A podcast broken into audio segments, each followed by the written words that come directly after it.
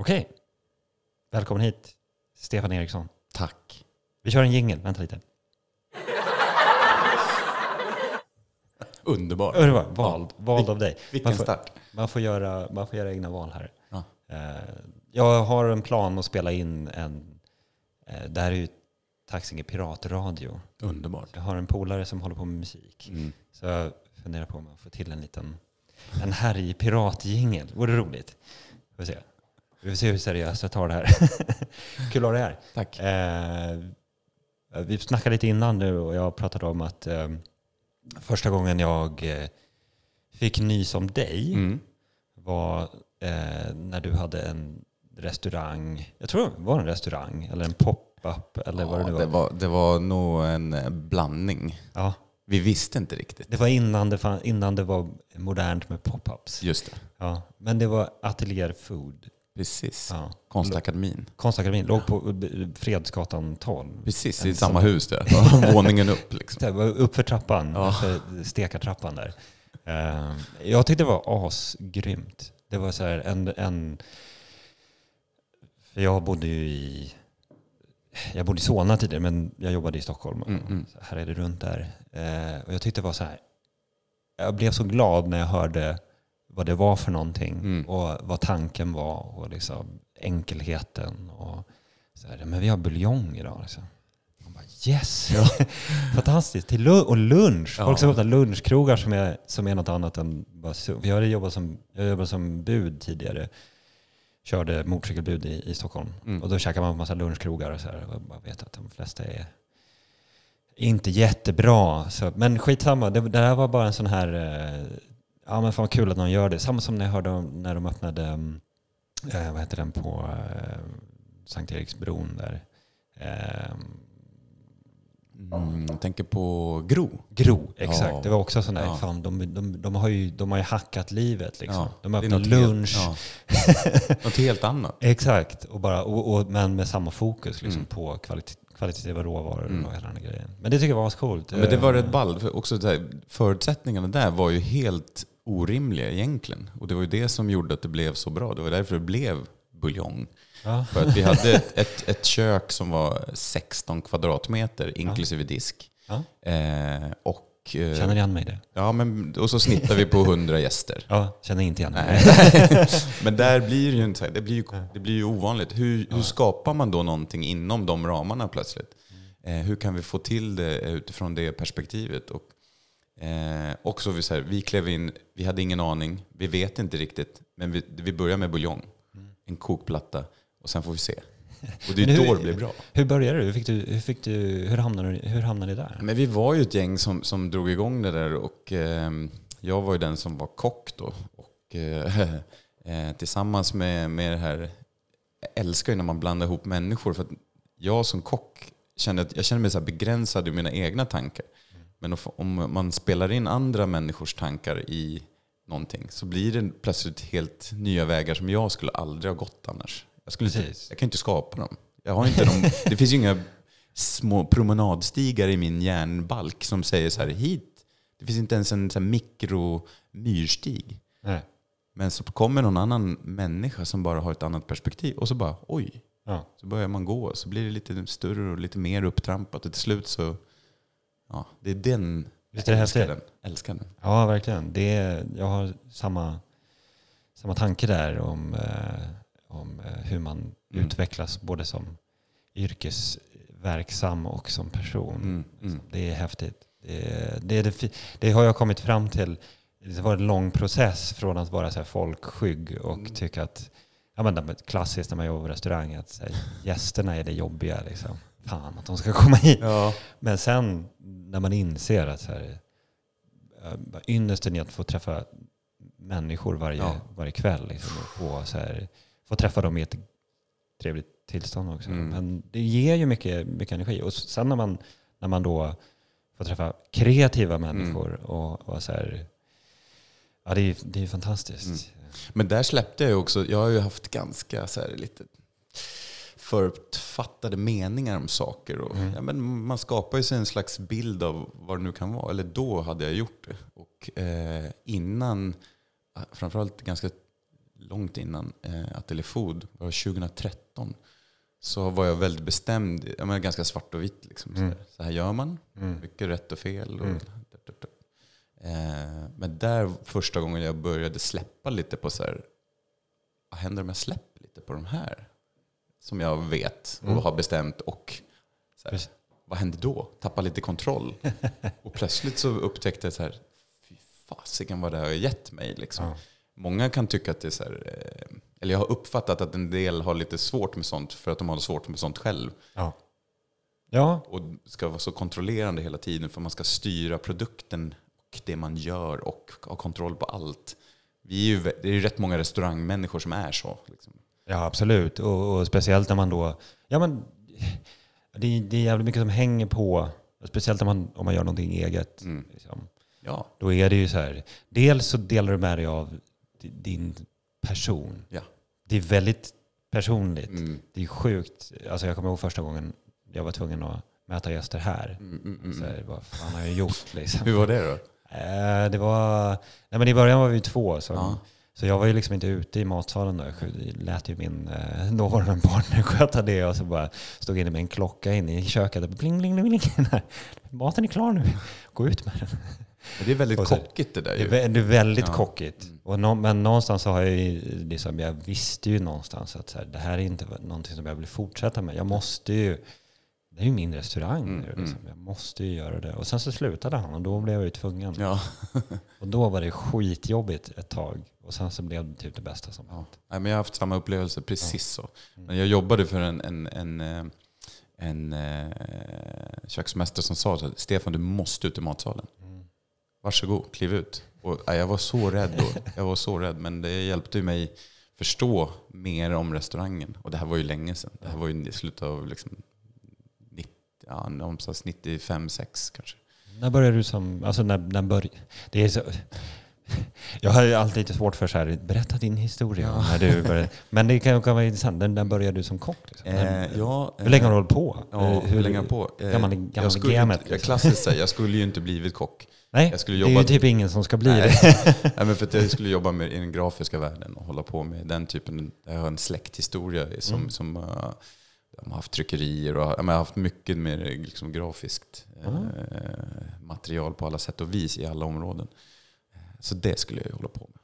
Betygen räckte inte riktigt till för att komma in på den linjen jag ville. Nej, nej. jag Och så fick man ta andrahandsvalet och så gick jag där ett år på restauranglinjen och var lite så här, ja det här var ju sådär. Mm. Och sen fick jag komma in i ett kök och se vad matlagning plötsligt var på riktigt. Mm. Från skolans perspektiv som var mindre intressant. Mina egna erfarenheter som var till då, någonstans på, för, någonstans på 80-talet så började jag gå med min, mamma och pappa just på restauranger. Och fick ändå sh- på topp, Stockholms topprestauranger. Mm. Hur gammal var du då när du Ja, började? men så här 10 till 15 år. Liksom. Du vet, jag frågar för att jag, jag har drömmen om att mina söner ska följa med på restaurang, men det är helt kört nu. Nej, nej, nej. nej. Det, Jo, det är helt det är kört. kört. Det är helt kört. De är... det kommer. Vi väntar. Vi väntar. jag, t- jag tänker också att det kommer. Men jag ja, en, en, när en dröm om att ha, Ja. kunna ta med Det på vänder restaurang. alltid. Ja. Nej, men så då så eh, blev det andrahandsvalet som blev restaurang. Jag kom in på det. Det började kännas här, jaha, det är det här som är gastronomi. Och vilket, vilket, vad enormt eh, olika det kan vara. Och det finns så många restauranger och så mycket möjligheter. Vad var det för restaurang som du började med? Eh, Rish. Ja, okej. Och där fick jag jobba med liksom, Classic. Classic. Du Ja, ja, Alltså, människor som var anställda du vet, någon gång slutet av 60-talet, Ja, ja, ja. början av 70-talet. Oh. När jag föddes. Ja. De fick jag ju då lära mig av. De hade Tor Wretman hela den liksom andan. just det. Man gjorde allt på riktigt. Det var liksom inget tricks. Eh, otroligt intressant. Och då sa jag så här, det här är min grej. Och sen vände det. Så blev det så här, och det här var 90, 1990. Mm. Och sen dess började jag jobba från 91. Ja. Och ja, det är ju, det är ju typ det finaste yrke. Ja, men jag ty- det är så dynamiskt. Ja. Jag, bara- jag, kan inte, jag, jag skulle inte kunna, jag hoppas ju mina killar skulle tycka det var kul att hålla på med det här. Sen vad de gör, ingen, det, det är liksom, de hittar sin grej. Absolut. Men det är ju fantastiskt. Liksom. Det är ju- det kommer bara bli än mer intressant. Mm. Så känner jag. Jag känner likadant. Det är, det är häftigt och det, och det är från att man går man går från någon form, man börjar med någon form av romantisk idé om, jag utbildade mig när jag var lite äldre. Ja. Och det, egentligen började det som att, som att jag hade inget annat att göra. Ja. Nej, vi bodde i Sundsvall. Ja. Så här, Johanna, min sambo, utbildade sig till fotojournalist. Och jag, hade, jag var arbetslös. Liksom. Mm. Vad fan ska jag göra?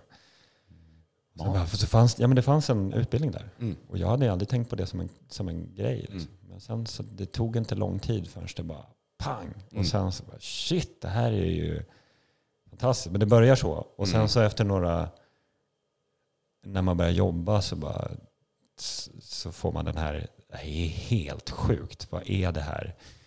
Vilka, vad, vad, vad är det här för liv? Liksom? Mm. Men någonstans så drivs man vidare i det ändå. Och sen så när man kommer förbi den här... Jag tycker man, man kan mötas av liksom människor i branschen som har fastnat någonstans och som har en jargong Mm. som kan vara rätt självdestruktiv och kan vara så här, så här är det. Ja. Och det kommer aldrig bli bättre än så här. Det finns bara ett sätt att göra det på och det är så här och så här. Det bästa är ju att man kan då när man är ung och så här, mobil, att man kan byta ställen och inse Mm. att det var inte så. De snackade skit. Ja, verkligen. Och det, det verkar som att det finns en oändlig potential här så någonstans. Men, men det är mycket soppa att ta sig igenom för, för ganska många tror jag. Ehm, om, man inte, om man inte faller så pladask och tycker att det är vackert och allt sånt Mm. där. Liksom. Men jag hade någon sån konstig eh, ambivalent inställning till om det var kul eller inte. ja. Det finns någonting som lockar men jag vet inte vad det är. Jag har inte kommit på det än. Men jag, så jag fortsätter nog. För det verkar finnas bra. någonting Det var bra coolt här. Liksom. Ja. Men nu tycker, jag, nu tycker jag att det är så här. Det är nästan så att jag känner att det ska vara så här en, en, en eh, obligatorisk del Mm. av eh, en mänsklig utveckling. Att så här, jobba i ett kök, Mm. Det är fan bra. Alltså. Ja, bara man kan ta sig igenom det här och skilja på, på det är ju mer personlig utveckling vi går in på då. Att de, de här, många av de här som kanske är lite självdestruktiva och ja, fastnar i tankar mer. Det är ju det det handlar om. Fastna i tankar, fastna i spår, fastna i liksom att inte se möjligheter och Mm. man tror att saker... Jag var ju lite där i, i början, men eftersom jag jobbar ju för många av den typen av människor i början. Liksom. Sen så började jag inse att man kan hitta andra typer av ledare som tar en vidare och visar på bättre vägar. Ja. Och det, där har ju verkligen klimatet förändrats i vår bransch. Oh ja, absolut. Vilka fantastiska ledare. Hur tyckte du, eh, om du tittar på de restaurangerna du jobbar på och tittar på var hittade du de här som du verkligen tyckte var några som, hade vett, alltså som var vettiga som människor och som du verkligen, alltså som du kan se som, som, som jag ser som, som så här, de som var lite så här men, mentorer Mm. fast jag har ju aldrig varit så superlänge på några ställen men,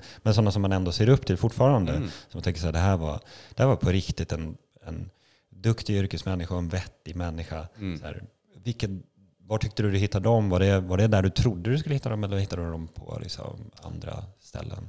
Ja, men jag hittade ju en som var ju liksom min drömidol som jag träffade väldigt mycket senare. Eh, det gick ju liksom sju år. Så var, var det min absoluta favorit som jag hade som en drömbild. Det var en danskock som heter Erwin Lauterbach. Ja, ja, ja. Som är ju liksom så här, det han gjorde i slut, han är ju liksom lite äldre generationen. Tänk dig liksom eh, med Mannerströms, eh, Erik Lallerstedt, den liksom generationen som kom ut eh, och var i slutet av 70-talet. Och 80-talet var ju liksom framgångsrika, Mm. eller startade väl sin liksom, tid. Och han lagar ju liksom redan då, tittar man på hans kokböcker och det, det jag kan hitta, liksom, eh, hans, hans sätt att laga mat i slutet av 70-talet och början av 80-talet. Alltså det, kan ju, det är ju fortfarande intressant. Liksom. Mm. Det är fortfarande, det var ju, de var ju, han var så före sin tid. Och det mynnar ju ut senare i liksom, med Petri Pumpa och Ja. Drejing och... Eh, Drejing. ja, men, men eller hur? Och jag så- ryser, jag ryser bara jag tänker på Ja, men det danska Ja. sättet som, som sen mynnar ut i massa fantastiska danska restauranger Ja. och kockar. Liksom, som, Jag har gjort Danmark till en världs... alltså till en destination. Ja, otroligt. är- Sen så vet inte jag hur han hade påverkan i det, men liksom, Någon, någon säkert. Alltså det, det är små, Ja. små influenser här och där. jag menar, liksom, is- att stå och laga då så här, en, en zucchini som var lätt ångad och glaserad i en musselbuljong med väldigt, väldigt lite smör. Mm. Och så eh, lägger man på lite kanske färsk mejram på den. Men hur, Och 1982. hur mottogs det 1982? Ja, det skulle vara sjukt spännande att veta. Ja, Det- jag det- tänker också det. För Drejing har ju också snackat om det. Att det, Ja. här, det var inte många som fattade. Men de Nej, som men- fattade, de fattade. Liksom. Ja, titta på vad då den, en, en, en av danskarna som kom efter sen, liksom, som, som, eh, som eh, heter Red Sepp i efternamn. Ja, Jag menar, de blev ju hånade Absolut. 04 liksom, för sin grej. Eh, titta på, ganska grovt ja, å- också. återigen, titta på en av mina absoluta senare idoler som dök upp. Eh, Fredrik Andersson med Mistral.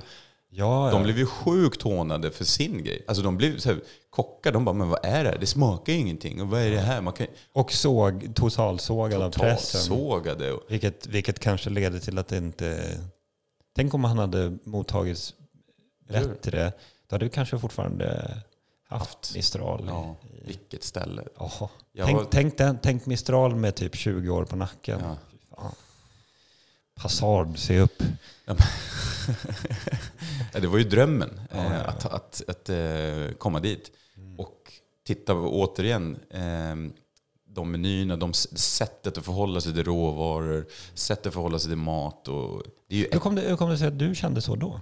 eh, för det stället. Ja, eller för, för, att, för att se på råvaror på det sättet. Att, att, att jag är fascinerad av en- en grejen så här, om det finns en mall Mm. så finns det alltid de som, som liksom ser utanför det. De vet inte riktigt vad man letar efter, men, men när man ser det Ja. så blir man så här, det där. Ja. Jag kommer också ihåg det. Det var för att, här, konstiga känslor av, eh, av liksom, ja, men ett annat sätt att se på, på de råvaror man använder och varifrån de kommer och hela den grejen. Och sen, fast jag hade ingen aning om liksom, vad är det för någonting. Det, Och där har, mycket av mitt senare arbete har ju känt och gått ut på att här, försöka tänka till i andra, så här, vad är det, hur, hur ser alla olika restaurangers strukturer ut? mm, Och titta på, eh, för att försöka förstå varför man gör de val man gör. Mm. Och vad är det som driver liksom, olika kockar. Jag har ju en fruktansvärd respekt för alla matlagare. mm. Absolut. Alla gör vi väldigt, ja, men alla gör vi Ja, väldigt ja. olika. Ja. Och jag har mer och mer, mer, och mer gått till en, en här, för att kanske också varit ett antal år sedan var ganska kritisk liksom, Mm. mot olika saker och ting. Till att gå över i en mer så här, respekt och en, ja men vad är det som gör att de här kockarna gör så här? Det är ju jätteintressant. Precis. Varför lagar man eh, eh, eh, eh, holländsk sparris i januari? Mm. Så vad är det som? Det är ju jätteintressant. Ja. Det tycker jag, utan att så kritisera eller inte, inte bedöma, utan jag vill hitta en beskrivning Ja. som gör att jag kan förstå eh, deras sätt att tänka. Sen får ju de göra vad de vill. Jag, alltså, jag kan ju inte hålla på och gå omkring och jag vill inte påverka eller så här, hålla på och säga ni, de, Nej, för man varför gör du så här? Det får Precis. göra andra. Ja. Inte min grej. Precis. Nej, och man kommer verkligen ingen vart med de ambitionerna man har. Mm. Om man nu vill, om man vill utveckla eh, liksom sin bransch Mm. och man vill förändra matsystem. Man kommer inte dit genom att kritisera. Man kommer dit genom att göra. Ja, gör Jag pratade med jag och mina grönsaksodlare på Undertallarna. Där. Om, Ja. vi, vi pratade vi har pratat flera år liksom, om, om eh, hur man hur, man liksom kommer vidare eller hur man förändrar matsystem. Eller vad är den bästa typen av, framförallt så vi försöker uttrycka det, vad är, den bästa typen av aktivism? Ja. För man kan, man kan tro att det är så protest och eh, liksom att, att belysa eh, fel. Mm. Men den absolut bästa typ, formen av aktivism är Mm. ju att agera så som man vill att det ska vara. Och göra det någonstans i för sin egen skull och försöka inspirera andra runt omkring en. Och sådär. Men göra det väldigt okritiskt. Mm. För fan, folk är ju bara människor. Liksom. Ja. Det finns ju människor bakom även de de värsta, alltså de man tycker är sämst om någonstans. Vi behöver inte gå in på det. Nej, men, Men, men det finns ju liksom människor bakom. De har ju en, de gör ju faktiskt det de är övertygade om är rätt.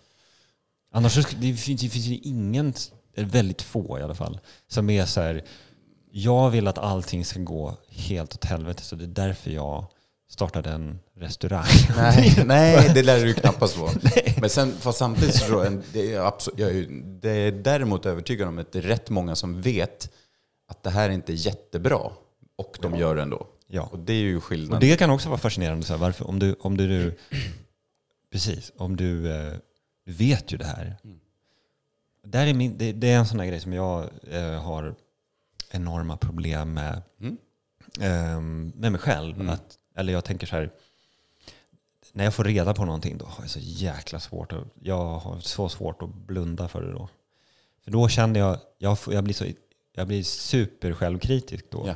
Och så här, men din jävla hycklare, du vet ju om det här. Mm. Du kan inte hålla på så här. Du, du är typ sämst i världen och du är värd skit. Ja, men, och då kommer in, ja det där är ju... Ja, men det är ju det, det, är så här, det är ganska det är hård tankar. självkritik. Men, Mm. men jag någonstans tänker så här, istället för, och då kanske man ofta går på attack mot andra som gör så. För man känner sig, så här, ja fan de, är så här, och de påstår att de, för så har jag också varit med om så här, mä- människor som pratar om väldigt mycket men inte gör det. Och där kände jag, Mm. just när du, när jag, om vi kommer tillbaka till början av det här samtalet, när jag klev in på, på Fredsgatan där, Ja. med ateljéer, Ateljé Food, ja. ateljéer food, så kände jag så här, fan, de gör ju det. Ja, eller Och det hur? var så här otroligt befriande och skönt och bara härligt eh, att få verkligen ja, men någon som gör det. Mm. Samma sak om jag tittar på Färviken till exempel. Det har varit en sån enorm eh, game changer för Mm. mig. Och Noma Och också. många, Och hela det där. Mm. Fan, de gör det de säger. Ja. Shit vad coolt. Det älskar man ju. Ja, det är Men- fantastiskt. Och i det, i det så har ju verkligen min respekt också samtidigt, eh, också för liksom alla är ju på något sätt på väg i sin resa. Den Ja. har jag inte liksom, det tog ett tag innan jag kopplade den. Ja. Att, ja, men alla har ju eh, olika sätt att se på saker och alla håller ju på på sitt håll. Och man har olika förståelser. Och, och det är ju det här när man då möts, det är det som är det intressanta. Där har jag ju varit liksom så här, eh, jag vill bara mötas och prata med alla. Ja, Jag vill så här, precis. förstå, hur tänker ni? Ja. Hur tänker jag? Hur tänker de? Varför fungerar saker på det- här sättet? Och det är då man också möts av utveckling och man får olika typer av förändringar vart man, alltså, oavsett vad det leder. Liksom. Men, men man har ju onekligen sett att eh, krig löser ju kanske inte riktigt det är ju kanske inte riktigt mallen för att hitta lösningar. Nej. Jag känner mig så mer och mer så, fan diplomat, det, fan, det här gillar Ja, nej, jag. Liksom. För det, det är intressant, för ser du också ditt, eh, din utveckling i, inom liksom restaurang och din, din, ditt skrå, Mm. eh, att det är någonting som, eh, som du kan använda som liksom metafor för resten av livet. Kan man kan se, jag har känt att, jag, och jag tror att jag kommer fram till det så småningom, att mat är, det är därför det är så jävla mäktigt att hålla på med. Ja. För att det är liksom grunden i alla. Ingen kan leva utan mat. Alla måste förhålla sig till det. Det är en sån som Magnus sa, det är en kulturform som alla måste förhålla sig till. Eftersom vi kan inte vara utan mat. Men då kan man också använda den som för att förstå sig på andra kulturer, Mm. andra synsätt, andra tankebanor och sådär. Och hur förändrar man någonting i, inom det kan man ju också använda för att så här, möta människor utanför det. Mm. Eh, och inse att så här, men min, om jag är liksom aggressivt emot det här, det leder ju bara till aggression åt andra hållet också. Eller hur? Liksom. Det, är verk, det, det, det var det vi sa, bästa formen av, eh, av aktivism. Det är liksom inte att försöka bevisa att alla andra har fel. Nej. Utan det är att göra det man tycker är rätt. Och sen så försöka, försöka vara ödmjuk Ja. mot andra människor. Och så, jag tycker det är så... Ja, men det, Ja. det blir ju liksom så här, det är min, jag känner, det är därför jag känner så här att, som jag sa, här borde verkligen alla få, alla borde jobba i restauranger. Det, Eller inom mat. Liksom. Ja, det är, det, det, man blir ödmjuk av det på något sätt. Och det fina med mat är också, det som skiljer sig liksom vår värld från att sälja väldigt mycket annat, Mm. är att den här, du kan verkligen, det är som, det är alla sinnen är, verkligen spelar in. Mm. Alltså vi äter ju inte liksom bilreservdelar. Det blir liksom så här, det finns ingen, men när vi kommer in på mat, Ja. och därmed eh, att visa, precis som det du säger, jag håller verkligen med om att visa upp bra exempel. Mm. Det här är ett bra exempel. Det här är en väg framåt Ja. på vad det nu kan vara. Och få då människor uppleva det genom att man smakar och man får liksom bilda sig sin egen uppfattning genom upplevelsen av den detaljen som man kanske pratar om och se möjligheterna. Så blir det är ju sta- starkare än någonting annat. ja, men jag tycker det. Och svårigheten och utmaningen. Ja. För hur ska man hinna liksom låta alla få smaka och känna? Och, vet, den är ju så här, Ja, men det är också det fina. Jag tycker det, jag tycker det är ju det är ju det som är grejen. Så här, allting har... Allt, ingenting är perfekt. Liksom, Ja. Utan allting har... Det ska vara, det ska vara svårt. Det ska men- fan klur. Ja, det, det ska, ska vara vara nästan omöjligt Ja. att genomföra det här. Men det är ju det som är grejen. fattar. Jag t- tänker det kring här, olika dieter och sånt där. Det är också sånt som man kommer in på väldigt, eller jag i alla fall, i alla mina, alla mina härliga tankar kring det här. Ehm, att man kommer in i, i, i någon form av tänk kring vad, vad är vad är ett etiskt ätande, vad är ett hållbart ätande, hela den grejen. Man, det är svårt att komma ifrån Mm. att kött, animaliskt protein, är ett supereffektivt livsmedel. Mm. Det är skitbra. Men det innebär också Mm. död. Och det tycker jag är så jävla fint. Mm. Det är så här, här har du ett perfekt livsmedel. Men det kommer med ett samvetskval. Ja. Och det är så här, yes, det är så det ska vara. Ja. Det är, om, det, om det hade kommit helt utan, och det är ju det någonstans som jag tycker så här, industri och sånt strävar efter. att Så här, du ska inte behöva ha något ansvar. Eller eh, någon form av så konstig samhällsriktning. Eh, att vi vill ha det så bekvämt som möjligt och slippa tänka på obekväma saker. Ja. Det är ju döden för mänskligheten. Precis. Är det inte det? Ja, men det, det plockar ju bort, det plockar bort verklighetsuppfattning och verklighetsinsikt. Att man ska, det ska inte se, man ska inte se vissa delar i en process. Då blir det ju såklart att vi får problem. Mm. Och, och mycket av det som händer är ju så här, det är någon slags, det blir ju, eftersom vi har haft då den här frånvändningen från insikter, så blir det ju slags, en slags medicin. Det var någon som sa det som är så jävla bra. Det är, det är liksom så här, det är som ett, det slår ju allt åt andra hållet då. Mm. Och då har vi ju en ganska stark kraft som kommer nu med att ja, men man, man har blivit, det har dolts massa information Mm. kring det här med till exempel eh, djurfrågor och eh, etiken kring eh, uppfödning, allt, allting som har med det att göra. Ja, då, boom, då har vi en helt annan, det slår åt helt andra håll. För att människor accepterar inte det, att Nej. det är som det är. Nej. Och då blir den här, boom, då slår det åt andra hållet. Och sen får vi liksom en ganska stark eh, kollision. Och där kan jag tycka, jag hade en, en underbar diskussion med Lisa Förö Winblad. Eh, som var om, när hon droppade massa sköna grejer om mentala smaklökar.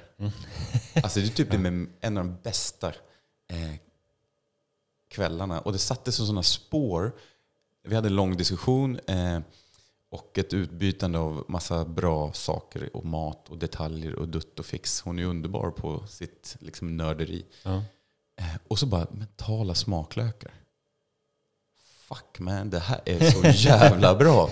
Hur fan vad jag älskar det. Och den har påverkat mig jätte- jättemycket. Ja. För det är precis det jag har saknat. Jag har inte kunnat beskriva hur jag upplever eh, mycket kring mat. Och Precis. Varför blir, påverkar det här mig så otroligt mycket? Varför gör jag de val jag gör? Varför vill jag sträva efter eh, det här eh, mer åt, det finns ju inget naturligt. Ja, skogen är naturlig. Den lever och gör, den skiter i och gör precis, den bryr sig inte om Mycket av någonting. skogen är planterad. Jo, men alltså själva levnadssättet Ja, ja, är ju verkligen så. Det Den är är, förvildad också. Precis. Den, den, den tar över. resten, det finns ju inget naturligt i det. Det är ju onaturligt naturligt.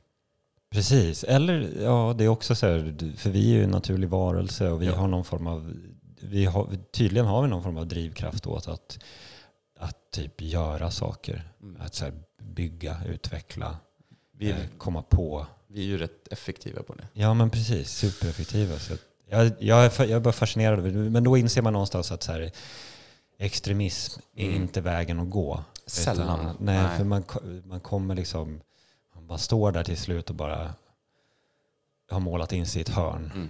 Jag bara, men det här då? Men Mm. du, ja, men det, ja, så bara, shit, just det, det är ingenting, ingenting kan någonsin vara perfekt. Utan man får, man får leva med, ja, med sina, sina icke-fullständiga val som man måste göra. Liksom. Ja. Jag tycker det är fint också. Ja, och just mentala smaklökar har burit mig framåt och fått mig att tänka och sätta ord på hur jag känner kring mat och varför det påverkar mig så otroligt mycket. Och jag Ja. tror att har du en avsaknad av det så blir såklart, har du, inte, eller du, har inte, du har aldrig hört någon som ens har nämnt det här. Nej. Så har du inte kanske riktigt tänkt på hur det här råvaran eller produkten eller vad det nu är kom dit till din tallrik. Nej. Och då är det ju jättesvårt med den, utan att ha den insikten. Liksom. Så den är, jag försöker alltid lyfta den. Jag tycker den är så himla viktig. Eh, Sen ska man inte eh, skuldbelägga för mycket och liksom göra så här, utan mer en förståelse, en medkänsla och att man hela tiden kan, man kan ju faktiskt göra bättre val. Mm. Och där är ju också förståelsen att man alla är i sin process. Alla är ju någonstans. Precis. Och sen så, ja, vad ska man säga? Eh, ett, bara, mm, svår. Nej, just det. Det där är, det är problematiken kring eh, vår, eh, alltså, människors, eh, eller samhällens eh, eh, förhoppning om att hitta en lösning som passar allihopa. Ja. Som så här, ja, men det hållbara är att äta på det här viset. Men det var precis det som var problemet med matsystemet nu. Att vi bestämde att alla ska äta typ det här. ja, eller hur? Och sen bara, hmm, det funkar inte så jävla bra. Så det är just det där med att, här, att bestämma att en, sak, en del av allt det som vi kan ta till oss som föda är bra Mm. och det andra är dåligt. Mm. Ja. Och det är så, nu har vi gjort en enkel mall som alla ska följa. Den, den bästa mallen är faktiskt den här gamla typ Folkhälsomyndigheten tallriksmodell. Här. Varierad kost. Ja, återigen. Bred varierad kost, det bästa man kan ha. Mm. Samtidigt så det är ju väl ingen som egentligen följer den. Alla skiter ju i den. Nej, ja, precis. Eh, Jag såg någon undersökning just på så här, alla typer av liksom, eh, tallriksmodeller över hela världen. ja, Hur alla, de ser ju lite olika ut, men det är Ja. samtidigt någon liknelse. Och, ja. Men det är ju ingen som äter så ändå. Liksom. Nej, precis. Så därför kanske inte så här, varf- ja, det är väl ett riktmärke liksom som Ja, nej, men man kan kanske se det som, som så här, vad har man att spela med när Mm. man lagar mat? Mm. Inte hur varje tallrik ska se ut, utan kanske hur kylskåpet ska se ut. Ja. Så här, eller vad, jordkällaren eller vad fan det nu är. Ens, ens, ens eh, liksom palett med det man har att bygga rätter på. Eh, Ja, och det där är ju så himla, himla konstigt. När vi, återigen i matvärlden, det blir, jag tycker den här, det är någon jäkla någon kollision med liksom det kommersialiseringen av mat, eh, eh, levnadssätt. Eh, vi har ju väldigt, många har ju väldigt mycket pengar i det här landet. Liksom, konsumenter, liksom, handlarna, alla som säljer mat. Det är en jäkla komplex, det är så otroligt komplext alltihopa. Man, det, blir, det är lätt att rörigt. Och, och är man inte ens insatt och håller på med så mycket mat, Nej. kan ju fatta att man inte riktigt... Nej, det är klart att det, det, det, är klart att det. går att förhålla sig. Men det är det som är synd. Det är det som är synd med hela... Att någonting som är så väsentligt Mm. och så viktigt i våra allas liv, oavsett om man tycker det är roligt eller inte, så, så har vi liksom på något sätt effektiviserat bort. Det är som att så här, nej men nu, med, nu behöver vi inte kunna matte längre. Mm. Vi behöver inte ha det mer för att vi tar, vi tar bort det. Mm. vi behöver inte tänka på det. Nu behöver, ingen behöver någonsin tänka på det längre. Det skulle ju vara jättekul. Folk bara, nej men det kan man inte. Ja men när man går i skolan, vi, nej, vi lär oss inte det för det behöver vi inte. Så bara, jo men det är ju viktigt. Ja, är inte mat det då? Ja, den är ju det sjuka. Det är ju typ det största eh, misstaget som någonsin har hänt. Eh, vi har en, när ska du lära dig om mat? Ja, och- Men det, det är ju för att det var ju inte viktigt. Titta på när vi växte upp. Mat var ju aldrig, det var ju inte viktigt. Nej, nej. O, finns obegränsat av allt. Det är bara att köra. Vi, landet går bra. Ja, Let's rock it. exakt. Nej, märkligt eh, hur utvecklingen har tätt sig. Men vi kan ju bara se fram emot och eh, framåt och se vad, hur man skulle kunna göra på ett annat sätt. Eh, Verkligen, verkligen. Ja, jag, ja. Du har ju, vi har varit inne på det här. eh, Kom du till den där restaurangen förresten någon gång? Den danska. Eller du, mötte, du, du träffade honom i, i eh, ett, när du själv var erkänd kock. Nej, Nej, det var, du säger, jag var eller? faktiskt där och gjorde en sån här volontärperiod. Ah, ja. Eh, Precis, som man, som man gör i Danmark. Man åker och plockar ört. Ja, precis. Nej, men jag, fick, eh, Eller jag skötte mig och förstod systemet och fick ju jobba som en... Eh, jag menar, du, du har ju alternativen när du kliver in på, oavsett vad du kliver in för verksamhet. Är det ditt jobb eller är det din praktik eller är det din eh, volontärperiod eller vad man nu vill göra. Eh, du har ju att försöka förstå deras system och sätta sig in i det och ta till sig det och bli en del av det.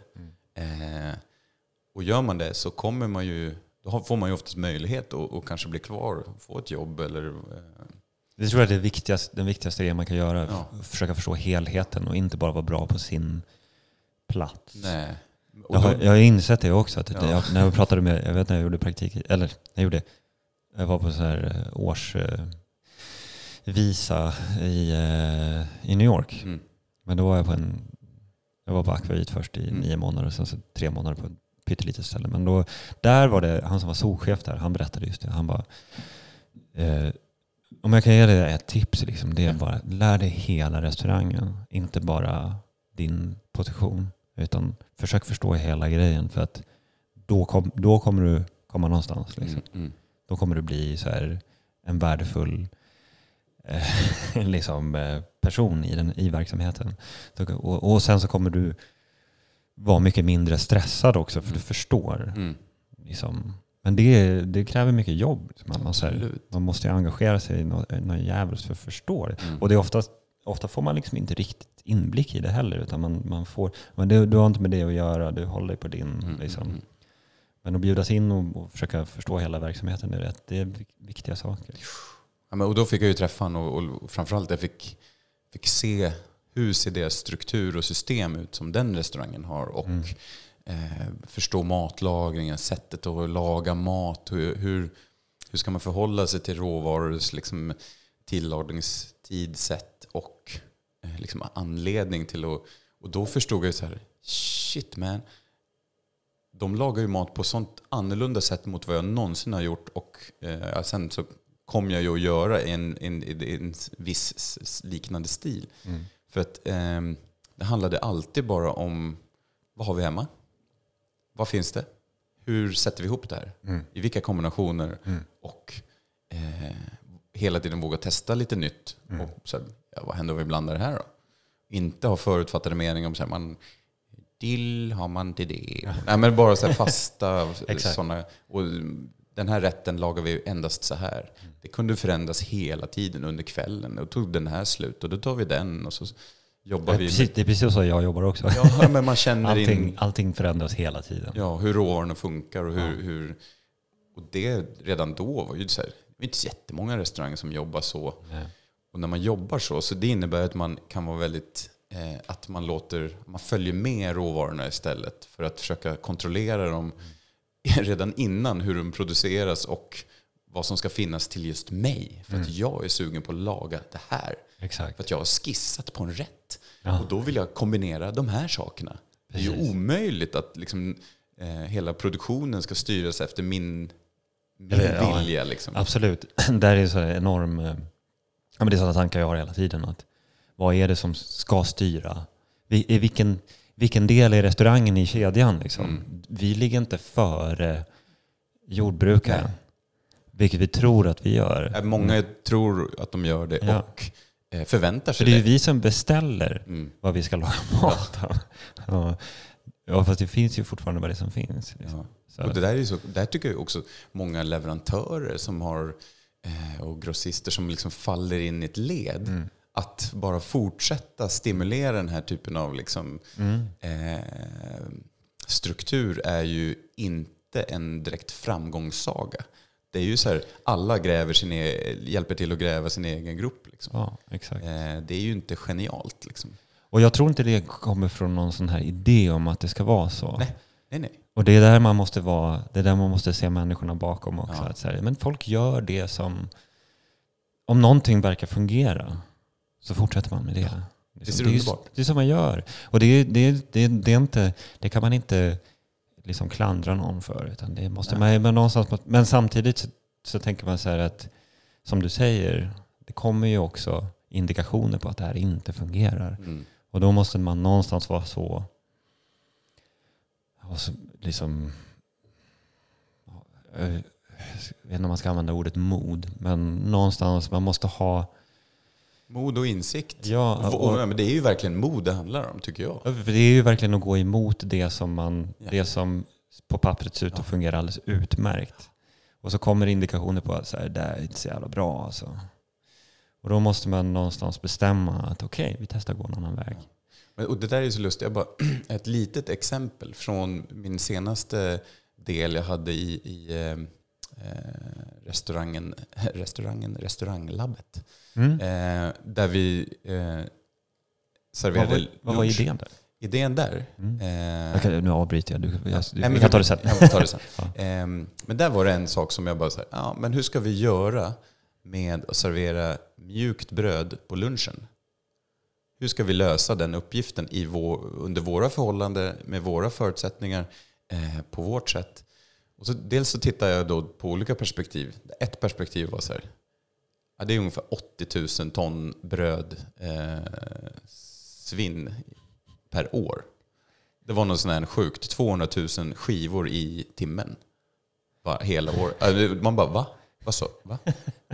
Ja, då kände jag så här, fan, här är en liten del man skulle vilja utmana då. Vad händer om vi tittar på vår kultur i, i Sverige, där vi har haft en väldigt stark eh,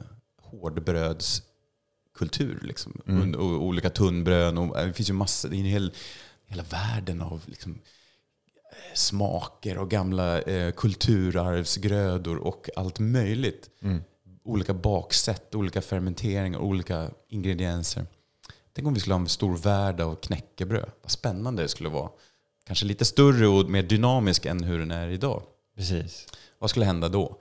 Eh, skulle vi minska brödsvinnet? Ja, det skulle vi säkert göra. För knäckebröd kan leva i 6000 år. Och man, äh, men vet, Exakt. Det är ju inte dåligt. så då gjorde vi så här. Vi ställer inte ut något mjukt bröd. Vi ställer ut hårt bröd. Ja. Och folk blev så här. När de kom på vår lunch, de tog mat, de kunde gå och ta sitt bröd. Då bara, aha, inget mjukt bröd. Okej, då tar jag hårt bröd. Gud vad gott. Och det var inget problem. Precis. Alla bara accepterar det. ja. Och det är det här jag menar. Det är ingen riktigt som har modet ibland och så här, bara så här, ja men så här är det. Ja, exakt.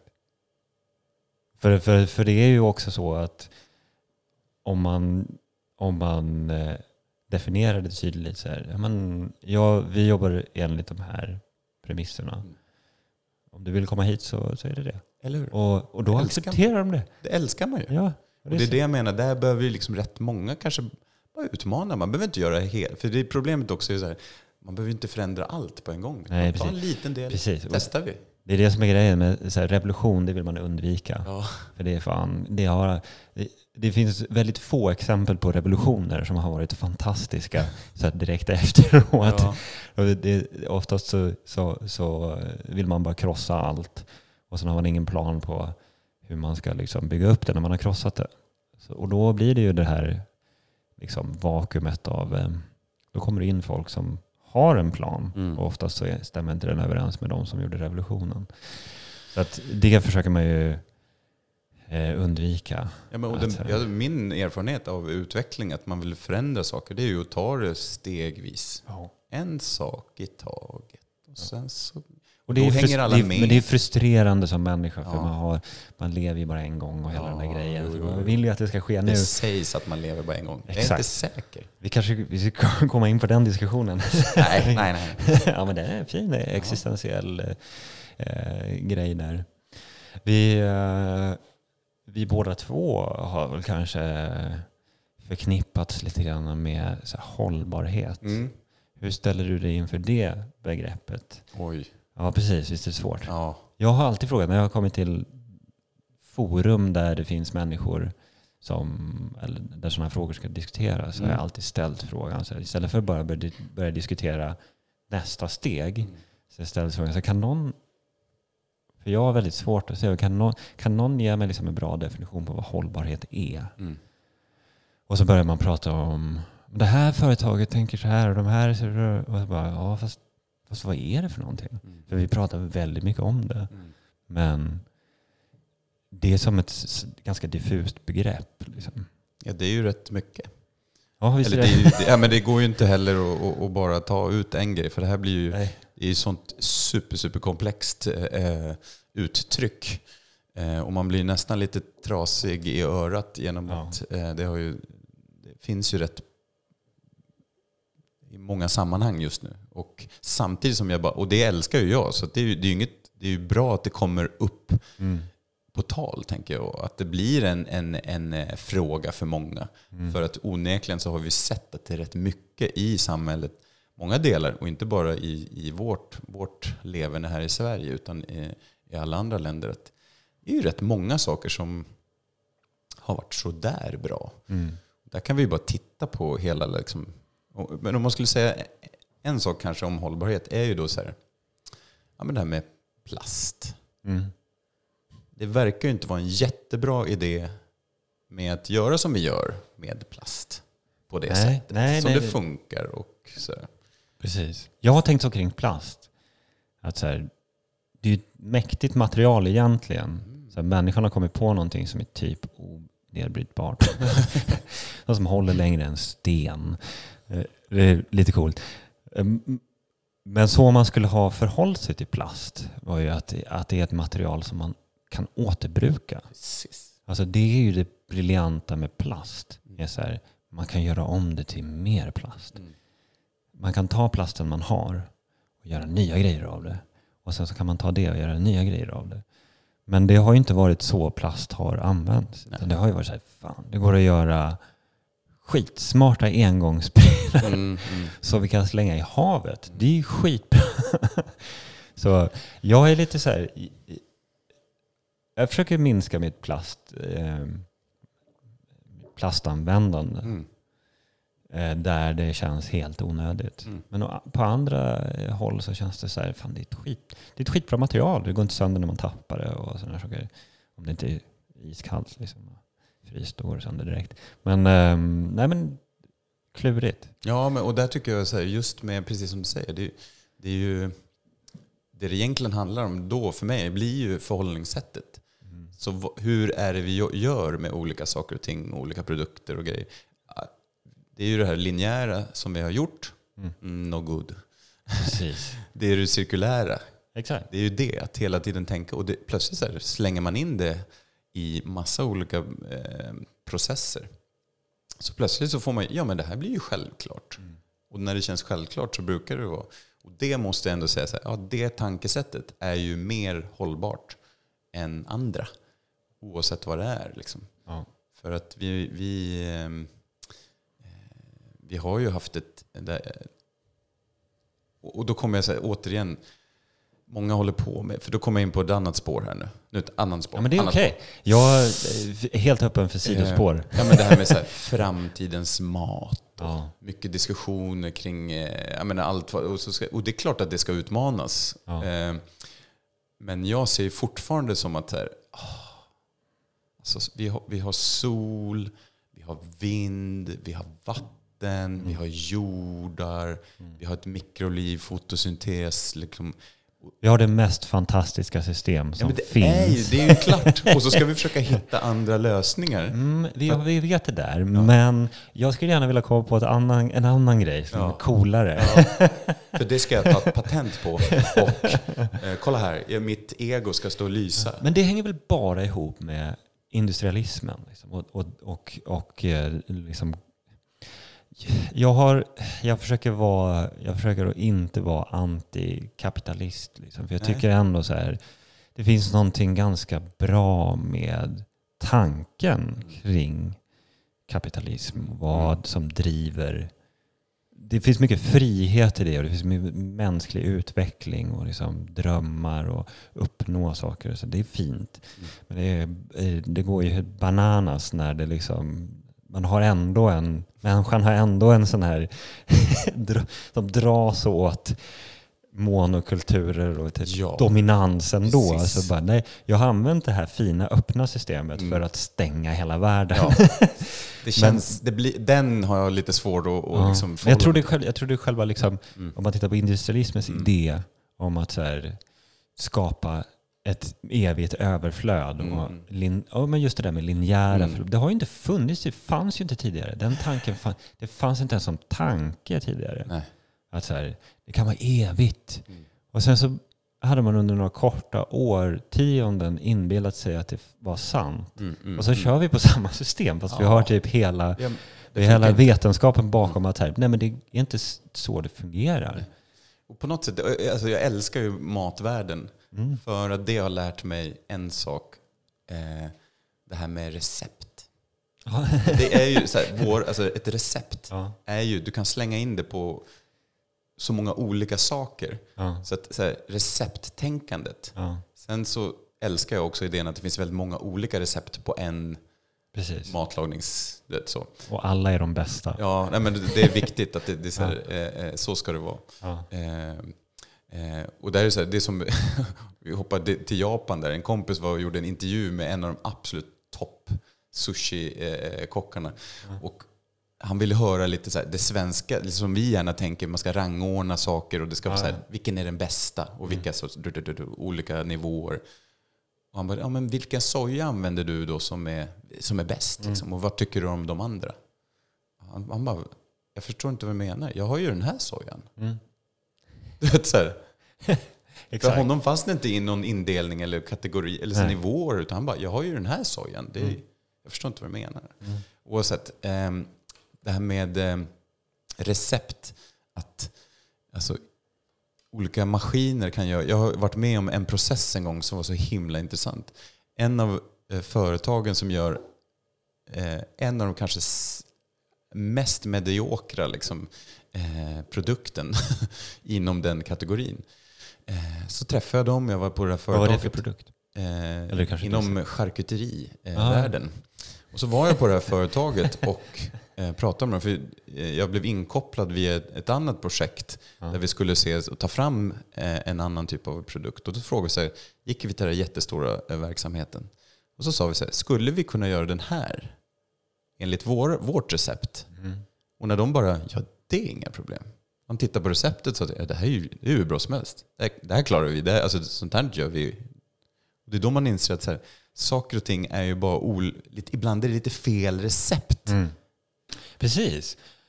Så tänker, jag, så tänker jag kring industrin. Ja. Det är ju typ ascoolt. De har ju skitsmarta lösningar på massa grejer. Problemet är att eh, liksom mallen kring den ekonomiska biten där, Precis.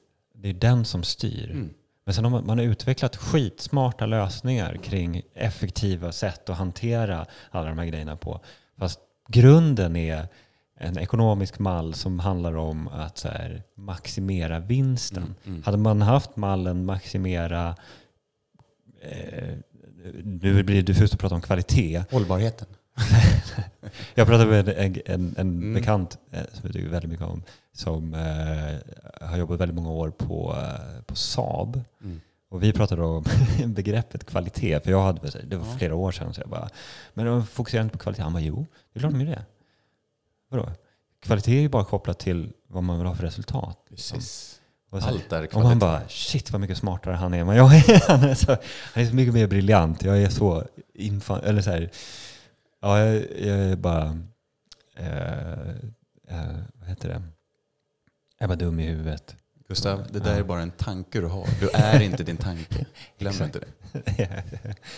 ja, så där, vi kan komma in på vad, vad är tankar? Mm. Hmm, det är en klurig grej. Var kommer de ifrån? Ja. Varför dyker de upp just nu? På det här Exakt. sättet, I det här Vad är man, vilka typer av tankar är man mottaglig för?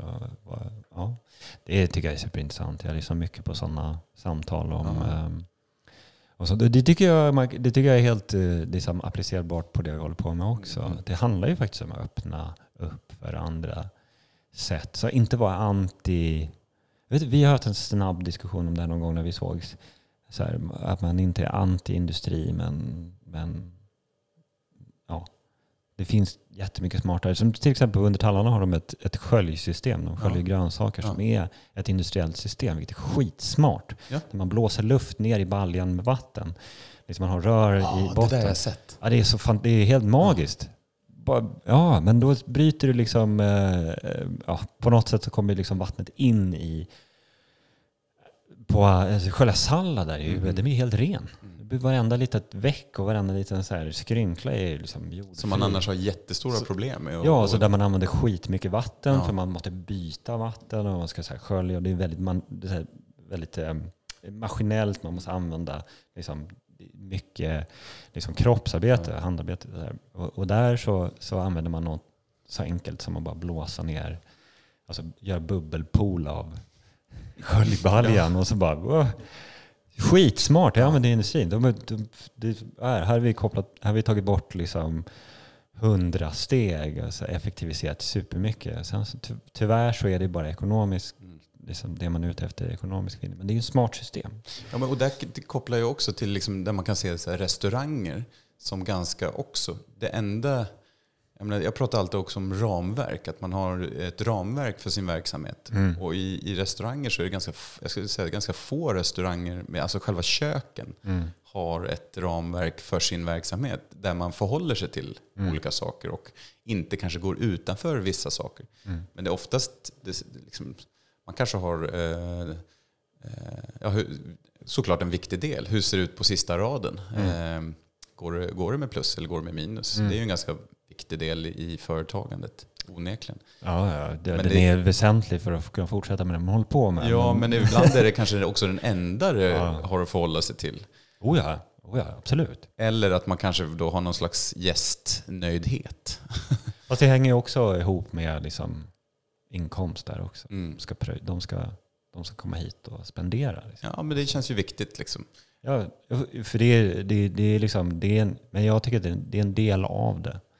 Men, ehm, ja. Men det är det jag menar. Du, så du har ju säkert dina, ditt lilla ramverk här på, på, på Taxingen som är Ja, ganska starkt eh, skulle jag vilja säga jämfört med många andra. Och du har ju allting, eh, du har ju satt upp dina egna eh, grejer att förhålla sig till. Men Ja, många har ju inte ens tänkt den tanken nej. att det kanske finns saker som så här, typ, man kan ju ha en sak som, eh, eh, jag brukar förorda lite att, har du någon gång funderat på alla de här rätterna då som du har på menyn? Mm. Alla de valen, hur det, hur det påverkar hela verksamheten bakåt i en struktur. Där du plötsligt behöver göra de här olika valen. Mm. Det innebär att personalen behöver göra det här, det här, det här, det här, det här. Ja. Och du som ansvarig behöver göra det här. Du så, det är inte så konstigt att vi har verksamheter som är sjukt kanske eh, ja, lite utbrännande i Oh ja. sin liksom, Det har jag tänkt på. helhet. Ja, det har jag tänkt på jättemycket. Jag tänkte på när jag, som jag pratade om, jag var i USA där ett år. Mm. Eh, och på andra ställen också. Det var så här, när, jag, när jag driver min egen restaurang och tänker på, liksom, tänker på kom- komplexiteten på hur att driva en egen restaurang Mm. har, jag, har jag alltid haft en väldigt, vad är en restaurang? En väldigt komplex bild. Liksom. Det kräver, kräver väldigt mycket jobb och eh, hela den grejen. Och sen, men sen har jag tänkt så här, när jag då driver min egen restaurang och inser Ja. att, att så här, det är några steg liksom. Och sen så... det funkar ju. Mm. Och, jag bara, och så tänkte jag så här, vad fan gjorde vi på de andra ställena? Hur kunde det vara så jävla mycket jobb? Ja. Hur kunde man stå från klockan sju på morgonen till klockan två på natten? Mm. Och den jävla prepplistan tog aldrig slut. Nej. Hur gick det till? Eller hur? Jag fattar inte det. Någonstans så måste det varit dåligt, dåliga val där. Alltså det, hela, hela modellen är ju fel Mm. om de som ska utföra arbetet typ aldrig blir klara och Ja. alltid ligger efter och alltid blir utbrända och alltid mår dåligt. Bara, vad fan är poängen? Ja? Kunde man inte bara göra det mindre? Och man, varför ska det vara så jävla stort? Ja. Jag fattar inte det. Nej. Vad är det som gör, och om det nu behöver vara så stort, då måste man ju ha, alltså det måste ju vara en annan modell. Det Mm. funkar inte den här, det är, ju- det är något fel på den här modellen. Precis så. Och det är ja, superintressant. Mm. Och det, men när man är i det så accepterar man bara modellen som den är och, och liksom bara kör på för att man tänker att ja, men jag måste väl bara acceptera det här när jag är här. Liksom, och, och göra det. Sen så, ja. Ja, men det- jag tror det- det är många, många som faller ur den här Mm. branschen på det sättet för att man får den där bilden av att det här är helt omöjligt. Det är orimligt. Jag kan inte hålla på. Det är Jag kom- orimligt. Ja, men typ. Jag kommer ju inte, jag kommer inte orka vara i den här branschen om tio år. Liksom. Hur ska det gå till? Nej. Jag drömmer ju om att liksom, så här, girovarning, så här, Mm. man är 90 bast liksom, fortfarande hålla på. Om man blir så gammal. Liksom, det var skitgrymt att hålla och fort. Och bara, vi har inställning om att så här, nej, men nej, man ska inte hålla på mer än så här. Sen efter det kan man inte stå i ett kök. Mm, Men mm. varför inte det? Mm. Ja, men varför skulle man eh, inte... Varför skulle det inte fungera? Precis. Jag har pratat med, Mm. med, med liksom an, andra så här, kända krögare eller kockar Mm, mm. som, som saknar att stå i köket, Ja. att laga maten. Att få göra det. Ja. Men det, var ju det, det var ju det jag tycker är kul. Men nu sitter jag på möten och, Ja. och liksom gör allt det där runt omkring för det har blivit så stort. Liksom. Jag tror att det är en... Det är en eh, oftast kanske man inte orkar med sin egna produkt. är min uppfattning. Du skulle inte ens orka stå där eh, Ja. eh, he, alltså full tid, vilket kanske är orimligt också. Ja. Men eh, man ser ju, det finns ju klart två olika skolor av, eh, eller det finns flera olika typer av kockar, liksom, men några är ju dedikerade fortfarande till sitt kök och är där på Mm. plats. Eh, jag menar, titta bara på, jag pratade med Fredrik Eriksson här förra veckan, en av eh, liksom den, den generationen liksom, och innan mig som, han, är ju, han står ju varje dag i lunchluckan Mm. och kör ja, faktiskt. service. Det är ju underbart. Det är ju en, så här, det är en, det är en inspiration för mig verkligen. Jag tycker det Och bör vara för många kockar. Ja. Liksom. Det, är- det är ju så. Han är nära sin... Så vill man ju se sig själv om några Mm. år. Liksom, att man fakt- faktiskt fortfarande gör det. Mm. Sen såklart, han har ju säkert eh, tusen möten och sånt annat, för han är ändå företagsledare. Liksom, men, eh, Men han har någonstans gjort plats för att kunna stå i köket. ja, precis. Och jag menar det, det, han bygger ju in det. Mm. Han har ju byggt in det i sitt, sitt, sitt eh, system. Liksom, att det här är viktigt för mig, det här, det här vill jag. Jag tror att många kommer utanför till slut. Och, Eh, men det ska jag säga samtidigt som jag har ju knappt drivit en vettig restaurang någonsin i hela mitt liv. Liksom. Nej, men jag undrar också, det, vad, vad kommer, varför, varför ser modellerna ut så här? Varför, varför, varför gör det så att den här, ehm, den här som allting handlar om, varför, varför, varför, hopp, varför trillar den ur verksamheten och hamnar liksom på administrativt arbete Mm. och så här promotion och grejer? Det är, det, är inte det konstigt? Varför, varför är modellerna så? Och just och vi, som, vi, som vi pratade om, liksom Japan och sådana där Mm. saker. Där, de som är the big kahunas, liksom, de som man går till, de står ju där. Mm. Ja, men Det är ju de som är Ja. framför en. Det är de som gör skit. Ja. De är ju inte någon annanstans. De står ju där. Och där är ju Liksom. det- det här tankesättet med att, eh, jag menar, jag tyckte det är så otroligt starkt att man, jag menar, den som är bäst på någonting ska ju, Det är den som ska göra grejer. ja men det är ju lite så, för annars blir det så här, eh, ja, Ja. men nu lägger vi fel fokus här tänker jag. Eh, Ja. Och det blir ju gärna så att vi, de, den stora modellen på restaurangen är ju att den som är bäst på någonting sitter ju och och gör kanske pappersarbetet. Eller, Ja. Och vilket vi har haft tyvärr då också alldeles för lite. Vi pratade lite om admin-grejen här. Att Ja. vi har ju haft för lite fokus på också styra långsiktigt en verksamhet Mm. eh, med olika administrativa uppgifter som är för planering och långsiktighet och hela den biten där vi, där vi har legat eh, ganska... Vi är ett väldigt hantverks, liksom direkt hands-on Ja. eh, Ja, jobb. Ja. Där vi då har haft för lite typ av ledarutbildningar och för lite typ av den typen av eh, or organisation och struktur som gör att vi kan eh, komma längre. Liksom. Så tänker jag kring hur jag driver det här. Mm. Att den här dagliga verksamheten, Mm. eller den här matlagandet, liksom, så här, det, är, ju- det är njutningsfullt och kul och, och speciellt när gästerna är här. Men, men, den stora liksom, drivande ehm, det som driver mig fram och det som, fortsätt, det som jag fortsätter göra det för. Liksom, Mm. det, det är ju den här, det övergripande målet, liksom, eller den här härliga känslan av utveckling. Mm. Liksom, och att, att, att det rör sig det framåt, det finns en riktning, det finns Mm. på väg någonstans. Svårdefinierat, men, det, men någonstans så känns det som att man, jag har lyckats komma förbi den dagliga stressen. Att man, att man fastnar, man hinner aldrig tänka på den, Mm. liksom, det holistiska, utan man fastnar i uppgifter som man måste lösa. Liksom. Mm, mm, Shit, det mm. brinner, vi bygger back, vi är hej och hå. Det här kommer inte, oh, vi måste ju preppa för det här. Och man hinner aldrig, eftersom man fastnar i evighetsprepplistor och liksom komplexa så här, Vore det inte grymt om vi gjorde den rätten så här? Och sen Mm. innebar det typ fyra timmar mer arbete. Precis. Man hinner aldrig komma till den här, vad är det det handlar om egentligen? Mm, Och då tror jag mm. bara det är lätt att tappa eh, intresset där också. Ja, det är verkligen två spår också med, med hela den här... Eh, att det är lätt att fastna, som du säger, i, i den delen. För att titta bara på också det med så här, eh, idag har vi liksom krav ställda på olika roller i ett kök. Mm. Där man gör många gånger uppgifter som inte alla kanske är, är så väl utbildade i. Eh, till exempel ekonomi som har varit många kockars stora dilemma under så många år. Liksom. För att så här, ja fast det är ju ganska lite fokus på det. Och, men kraven förväntas fortfarande att, att man ska Ja, ja. eh, leverera det. Och det, det är kanske där det liksom fallerar någonstans. Att så här, Mm. Eftersom du är så, eftersom man har så lite kunskap om det. Mm. Så tänker jag på det, vi, vi så säger de som har hand om, de som styr ekonomin, Mm. säger vi, vi vill gå med vinst. Eller vi vill göra det. Och då när man har ett så, när man är så oinsatt i det Mm. så ser man bara, ja, men då handlar det om att liksom få in mer än det går ut.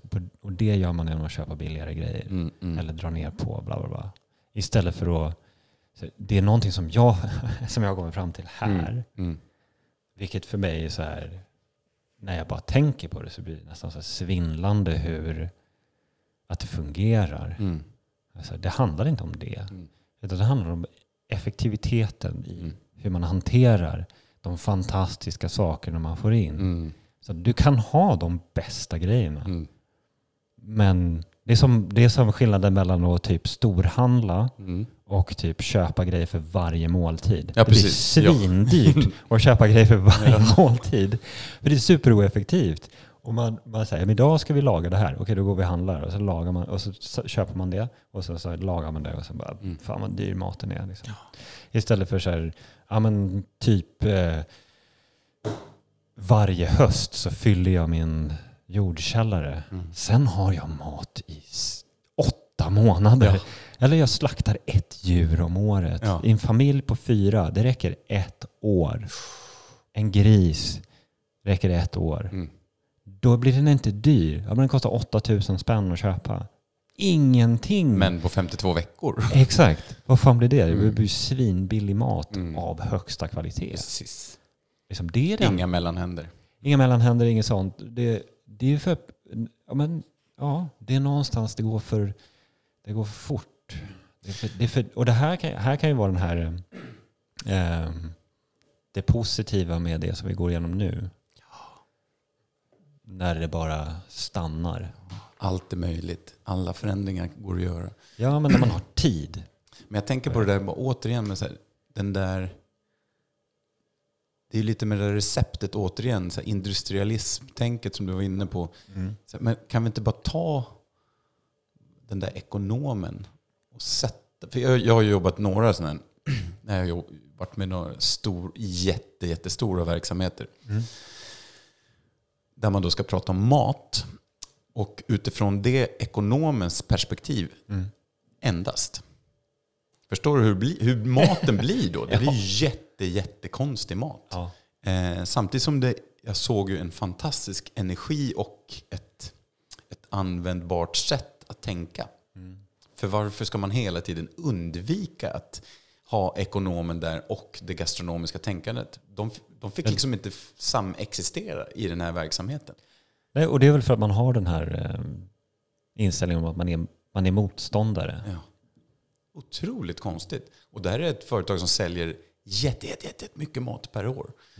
Och vi fick finnas där som någon liten underhuggare till, liksom så, så att vår, våra beslut blev inte riktigt tagna på allvar. För att ekonomen tittade bara på slutsiffran och bara, Ja. nej, 0,19 öre för mycket. Då stryker vi den. Computer says no. Ja. Ja, man blev så, här, så smärtsamt att se. Ja. Istället för att då, eh, nu, fick inte jag ha en ledande roll i den, det teamet. Så att, eller fick ingen kock. Eh, så vi fick liksom aldrig igenom våra saker. Men tänk om de skulle utnyttjat kraften istället tillsammans. Och det är det, vilka, det är det här, det är återigen varje jäkla jobb jag gör. Det är när man börjar eh, kliva över, att ta in olika kompetenser, att samarbeta kring en fråga. Man gör ett bra exempel och så bara exploderar det så blir det svinbra. Mm. Precis. Varje gång liksom. Och det älskar jag, den kraften. Och det kommer tillbaka till det här Atelier Food, där, vi, där, li- där vi var olika kompetenser som plötsligt började samlas och prata kring mat och hittade nya vägar. Och då blev vi helt... Jag skulle aldrig kunna komma dit själv. Liksom. Nej. Mina... Hur, hur länge drev ni den där? Vi, nu, kom- nu förstår vi vilket enormt sidospår vi har kört för att komma tillbaka till, till Precis. eh, det vi började. Ja, Det, blev, det var ju som sagt en pop-up. Vi hade det i ett år ganska precis. precis. Eh, Men det gav ju... Det, Och vad var tanken med det? Var det, var det bara liksom testa en grej eller var det... Eh, Själva liksom, tanken var att vi skulle kunna servera eller skulle det utvecklas till någonting annat? Eh, det visste vi ju aldrig riktigt. Eh, vi hade liksom ingen... Målsättningen var att vi skulle göra det och finnas. Sen att det vi höll på med vid sidan om tillsammans med konstnärer och eh, olika eh, andra yrkesgrupper, arkitekter eller forskare eller vad det nu var för några som var inblandade i de här sakerna vi gjorde. Eh, så skulle det utmynna i att vi kunde servera då saker som vi testade där. Mm. Och eh, ibland blev det bra och ibland blev det mindre bra. Eh, vi hade ju en kväll när vi hade fokuserat, vi skulle till, tillaga alla olika typer av inälvor från djur. Samtidigt som vi hade eh, poeter som stod och, och läste eh, olika, vad det nu var, och kombinerade de här människorna. Eh, eller kombinera de här frågorna. Och någon forskare som pratade om vikten av det och bla bla bla. Alltså, Det var så jäkla galet. Och så fick man smaka på eh, ett lammhjärta. Eller eh, eh, en, en njure från kaninen. Eller vad, alltså det var ju så helt underbart. Och du, du, för då koppl, det är då man kopplar ihop allt. Ja. Och då får vi den här helheten som, man, som är så viktig i vad man än, vilken fråga man än håller på med. Precis. Eh, och jag kommer på nu, precis nu kommer jag på varför jag tycker om det här. Ja. Nu kommer jag på var, varför älskar jag den här typen av eh, samarbeten. Jo, för att någon gång på 90-talet, slutet av 90 så jobbade jag med en, en kock som heter Rune Kalf Hansen. Ja. Också en dansk, märkligt där. ja, det är konstigt. Ja, vad är det? Men Det finns sådana klust, världskluster ja, där, där folk verkar komma ifrån. Liksom. hur? Men eh, hans tankesätt var ju också så före alla andra. Mm. Jag älskar ju alla som går en egen väg, har en, ja, men bara tar nya angreppssätt och se på saker. Och han gjorde, så egentligen allt han har gjort har ju typ jag kopierat och gjort på mitt sätt. Ja, men det är väl så det är. Ja. Liksom. Man tar något som, Han hade ju som man inspireras av och så, fantastisk middag på varje år nere på Läckö slott. Eh, Visst, för visst hade han någon, jag har en, jag har en kokbok om där han, där hela kokboken går ut på att han brevväxlar med trädgårdsmästaren. det är precis Simon Irwin där på Exakt. Läckö slott. Exakt. De här middagarna de gjorde då eh, var en lång brevväxling kring en fråga eller ett ämne eller någonting. Eh, En person. I det här fallet, den middagen jag var med på var eh, eh, eh, vad heter hon? På 1100-talet. En, en nunna, eh, Hildegard av Bingen. Ja. Ja, men du vet, hon snackar mat på den tiden. Helt annan nivå. Du vet, Har vi inte kommit längre känner man ju när man läser lite av det hon skrev. Liksom. Eh, och så blandade han in allt, så mycket olika kulturer och alla olika eh, personer och artister och konstnärer och Mm. allt möjligt. Eh, och det blev så himla spännande resultatet varje gång. För det blev alltid en ny sak. Och han skulle aldrig kunna liksom skapat allt själv utan samarbeten. Så Det- det är, min, det är min, liksom, mitt sätt att jobba. Ja, men för det är intressant också. Hur, måste restaurang vara någonting som alltid finns? Mm. Alltså måste en matupplevelse vara det? Eller kan det inte vara? Jag vet att Ferran Adria pratade om det här också. Att här, han jämförde El Bulli med en symfoniorkester. Mm. Alltså, vi kan inte spela varje kväll. Man, man förbereder ett stycke liksom. Ja. Och sen så, så här, ett par gånger om året. Det var ju, han, hade några idéer om så här, att, att, att mat kunde vara på det sättet också. Alltså, det, är en, det är ett förberett st- stycke som, som sen ja, men några gånger erbjuds för folk. Mm. Och, sen, och det är så här, det kan ju, det är, i tanken så leder det till så fantastiska upplevelser för människor. Liksom. Så inspirerande, eh, magiska som man alltid minns. Och sen så ska det kombineras med hyra, liksom, eh, eh, levnadskostnader, personal som ska betalas. Hela det, det, är så här, det, är, hela- det, är så här, det är så mycket som skulle kunna vara magiskt Mm. men faller på ekonomen som säger nej, det går inte ihop. Men, och, Ah. och, vänta och där har vi ju två spår tänker jag Ja. också, återigen. Ja, här, vi, vi lever ju i en, en ganska märklig tillvaro i matvärlden tycker jag. Där är, vi har en del som är en, en, en nöjes eh, liksom. Mhm. Och sen har vi en del som är liksom en slags levnad, överlevnadssätt. ja precis. Man bara måste Så få blir de där energi. rätt ihopblandade rätt många gånger. Ja, visst blir de. Det borde kanske vara helt, helt separerade saker. Ja, men det är lite så här... Eh, och det är det som tycker jag rör ihop det mycket i vår matvärld. Att man, man, eh, man tror att den här tisdags... Liksom, den större delen av ens matintag ska vara... nej, det tror man inte. Men det har blivit lite ihopblandat med att det ska vara liksom... Det måste alltid vara så lagat och storslaget och, och, och fantastiskt. Och där har jag utmanat mig själv. Och ja, grabbarna där hemma får ju lite också ibland lite utmanande middagar. Men jag tänker så här, eh, som på skolmaten. Ja, Varför ska så mycket skolmat serveras varm? precis. Bara den grejen. Eller, Mina unga gillar inte varm mat. nej men det är jätteintressant. Man tittar på stora så här festvåningar och Ja, ja. sådana som har kanske flera tusen gäster. Liksom. Ni försöker servera gröna grönsaker varma. Mm. Det är ju typ Dum. Det är, ju, det, men det är, det är ju nästan omöjligt Ja, ja. att lösa. Det klarar inte liksom det bästa cateringföretaget. Och sen bara, men du ska klara det Ja. här på skolan. Och, sen, och har man det här tankesättet hela tiden så här, Mm. va- varför gör man så här? Ja, då får man ju rätt mycket intressanta svar. Att okej, om jag bara tömmer lite kyl, jag tar, jag tar det, nu tar jag bara ut saker och ting ur mitt kylskåp och skafferi. Mm. Och så ställer jag fram det på bordet. Mm. Och, och smaksätter vissa saker kanske lite om det behövs, eller så gör jag inte det. Och så äter vi det här. Mm. Och, och det, lite, lite, kanske inte så exploderar av världens godaste mat, men det är ju rätt mycket som inte gör generellt sett. Ja, precis. Om jag, om jag ska lägga ner, bara så här, ha fina produkter, råvaror. Jag lägger ner så lite, hur lite tid kan jag lägga ner på det här? Och Mm. ändå, vi blir mätta och vi är nöjda. Vi har fått i oss bra energi. ja. Då måste det vara en bra middag, tänker jag. det är väl definitionen av en måltid. Ja. då. Att den har varit, det är inte bara liksom förtäringen utan det är, det är allt runt omkring också. Mm. Det spelar egentligen spelar inte så stor roll. Det är, det är sånt som jag inser också som kock. Man inser hur lite matlagningen har att göra med Mm. restaurangen Mm. egentligen. Vad det handlar om. Liksom. Ja, och det behöver inte alltid vara så, ah, Jag är så kluven nu. Det Ja, behöver jag- inte alltid vara en bra mål. Så här, Nej, nej. Måltiden behöver inte alltid vara så här det storslagna matlagningen som ska hålla på i flera timmar för Nej. att det sen utmynna i 32 minuters middag. Tjoff, så är det borta. så det är så här, man måste kanske välja lite. Och jag har haft många idéer på att öppna olika typer av verksamheter som så här, alltså, hur, hur, hur, hur ska, vi ska bara laga mat som är jättesnabb. Ja. Det ska vara så snabb, vi ska laga så, li, vi ska laga så lite mat som möjligt. Vad händer då?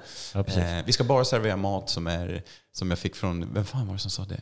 Maten ska bara eh, produceras innanför tullarna i Stockholm.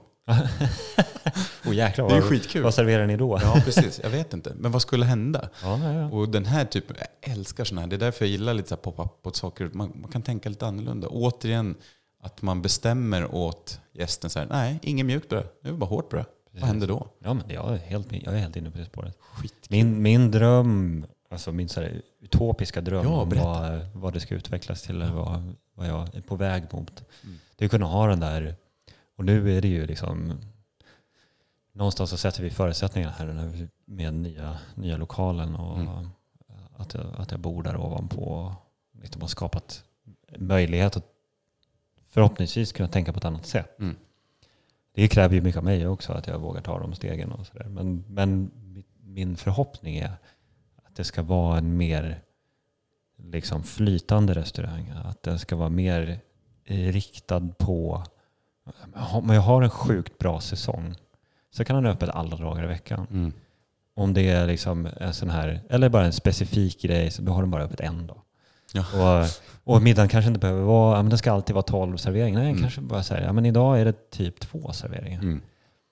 Och, och eh, i, typ om, om två månader så är det, så är det 60. Mm. Liksom. Eller något, att man kan vara ganska Olika. fri i det. Mm.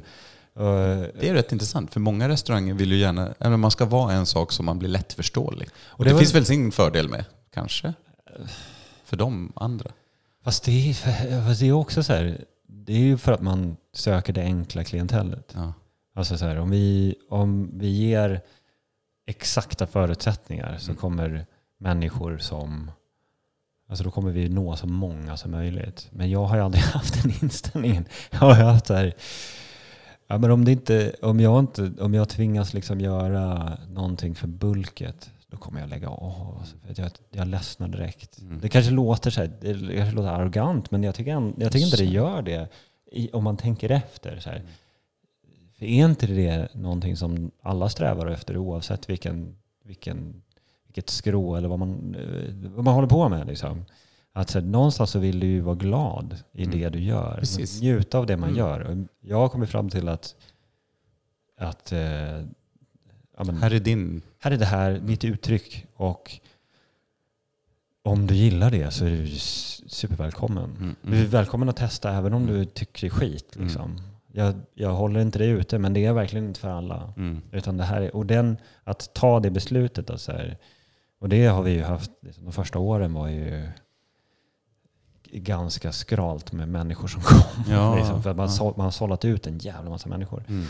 Eh, men sen blir det ju bra. Sen inser man så här, ja, de finns ju. Mm. Och jag tror att de är ganska, de som jag har, mitt, mitt klientell som jag har nu, som, som verkligen liksom gillar det jag gör, de är öppna. Mm. Och, men det är så små steg. Jag tänker mycket på hur man serverar dryck till exempel. Mm, mm. Är dryckespaket, är det intressant? Mm. Eller finns det typ ett annat sätt att dricka på? Jag klurar skitmycket. Mm. Kommer- Men man sitter fast i, Mm. för att det har liksom inte, jag har ingenting att relatera till där. Mm. För att det är så ingrott någonstans Mm. i att det här är, till en sån här måltid så dricker man på det här viset. Och, då, och jag tänker mycket så här, känns det som man får eh, valuta för pengarna och hela den där grejen. Men någonstans så skulle jag bara vilja hitta ett sätt där det känns så här, det här betalar man. Och sen så kan man få allt ifrån typ två rätter till Mm. 60 eller vad fan. Nu kommer jag aldrig göra 60 Nej, rätter, jag men vet. du förstår vad jag menar. Fattar. Det kan vara lång meny, det kan vara en kort meny. Mm. Men upplev, alltså det man får håller samma nivå. Mm. Jag gillar det. Eh, Jag kan hälla, jag kan, vi kan dela på en magnumflaska. Mm. Eller så kan du få nio olika viner. Liksom. Mm.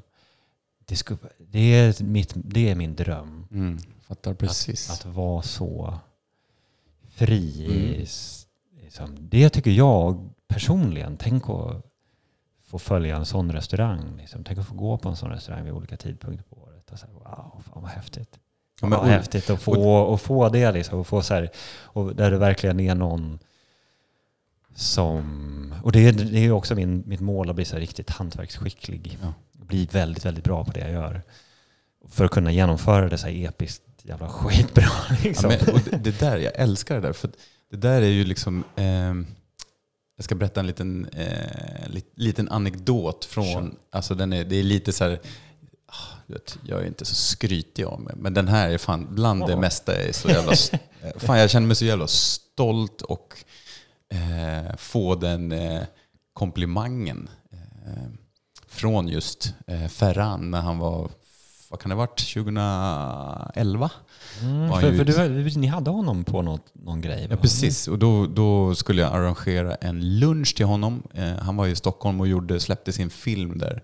Eh, på, och de hade runda bordet, diskussion på Moderna Museet och massa middagar och så. Var det där en, en dag på El Bulli eller vad, Eh, vad heter den? Det måste ha varit den va? Ja.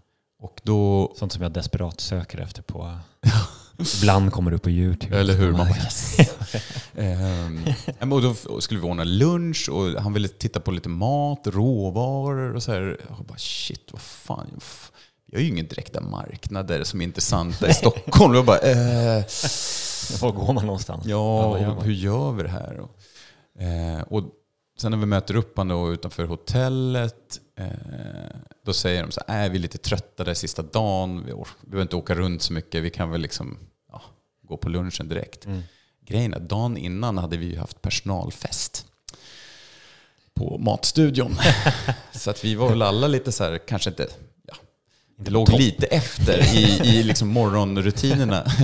Ehm, och, eh, men vi hade ändå bestämt så här, eh, vad, fan, vad ska vi göra? Vi tar han hem till trädgården eh, i Sköndal där jag bor. Så lagar vi lunch. Eh, lite family style. Det måste Ja. han ju gilla, vad fasiken. Hålla på som den där finkrog. Nej, det här är mer vi liksom. Ah, Så att eh, vi dukar långbord på, på verandan. Eh, och eh, hade ju grönsakslandet i full fart med, liksom, det här var precis efter midsommarhelgen. Mm. Rädisen hade börjat komma och jordgubbslandet var helt perfekt moget. eh, och så lite små grejer där till. Och så bara några grillar och så stod vi och grillade allt vi hittade eh, och serverade på stora fat och skickade runt.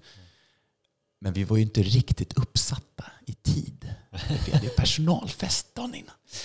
Så eh, jag snackar med Albin eh, som står och ska sätta upp det här. Eh, han bara nej, nej, ni får inte komma än. Vi var ju i stan på, på, eh, bredvid Grand Hotel. Eh, jag bara shit man, vi tar han till matstudion och bara "Ja, yes, this is my restaurant och, och visar vår verksamhet lite. Eh, för fördriva tiden. eh, och sen så när vi kom dit, lite småtrötta som de var, men så började blixtra till lite. Och så började de tänka, vi berättar vad vi gjorde här. Vi är öppet som restaurang en gång i månaden. Vi lagar mat hemma hos gäster. Vi lagar mat eh, på stora saker. Vi har matlagningsaktiviteter med gäster. Vi har demos. Vi, vi, liksom, vi gör lite det vi känner för. Vi är inte så jävla nogräknade. Liksom, så att om vi känns det här bra, då gör vi det. Eh, och sen sk- skapar vi fritt mellan där. Så det kanske inte var... Ja, maten var ju inte alltid den mest dynamiska. Så här, jag var ju så självkritisk under den perioden, men nu fattar jag att det var rätt skönt ändå. Liksom. Ja. Och de började tänka, man såg hur de började snacka. Han var ju där med sin fru, han med sin eh, restaurangchef eh, och eh, den här personen som jag inte kommer ihåg vad han hette nu som gick bort på häromåret. Men Juli, just det, Ja. precis.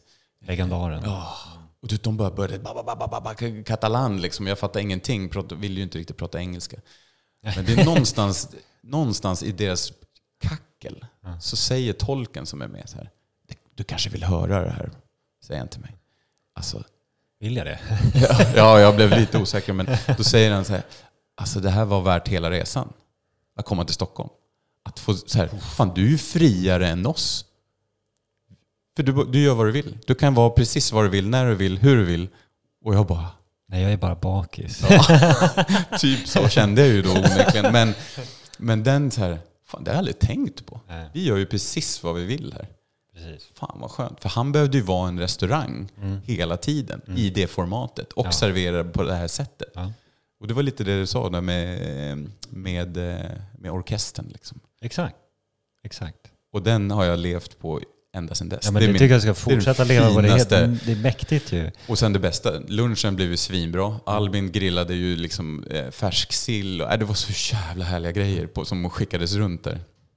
Och sen så till dessert, då bara ställer jag mig upp. Eh, jag bara, everybody, this is eh, dessert. She's serving on the front side of the house.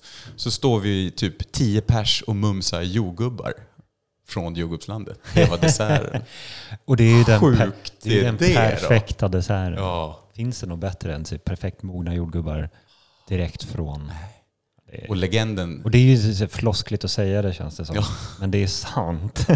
legenden himself också börjar ju då analysera jordgubbarna och säger att den storleken som är i den här, eh, strax över två centimeter, de verkar ha mest balans mellan syra, sötma och eh, aroma, aromatiska toner. Självklart kände jag.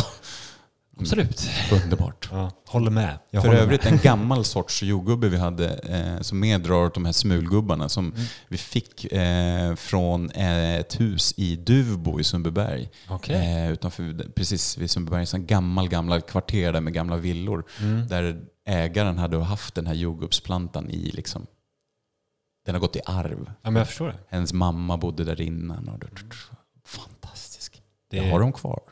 Smultgubbar. Lite åt det hållet. Ja. Inte helt eh, de minsta det är- smulgubbarna. Nej, för de är ju fan asgrymma. Alltså. Åh, Den här eh, kombon av vilt och kultiverat. Precis, precis. Bästa, bästa grejen.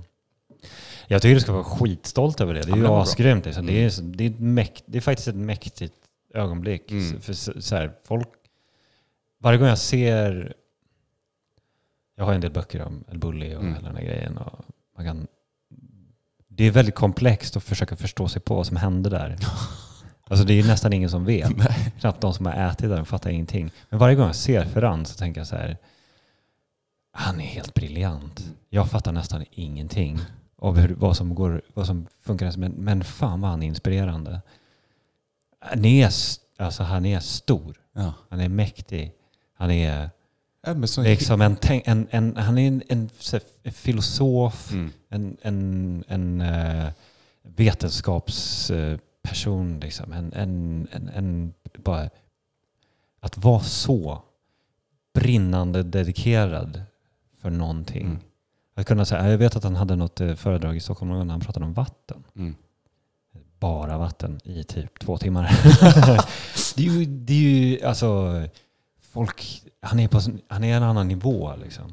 Next level. Och så här. det är klart att det är, klart att det det är mäktigt. Det, att, få, att få en komplimang av en sån människa. Det, Ja men skojar? Det är också en av idolerna. Men det sättet de gjorde det på. Från ingenstans, verkligen. Det kan man ju tycka vad man vill om det. Men det är ändå förhållningssättet till att förändra någonting på det sättet. ja. Vad sen- en rätt och vad en tallrik och vad en upplevelse är. Liksom. och det, men det var ju också någonting som växte fram Mm. under väldigt många år. Sant. Titt, alltså historien Mm. Bakom El Bulli, helt, Mm. alltså ihärdigheten i att Mm, så här, mm.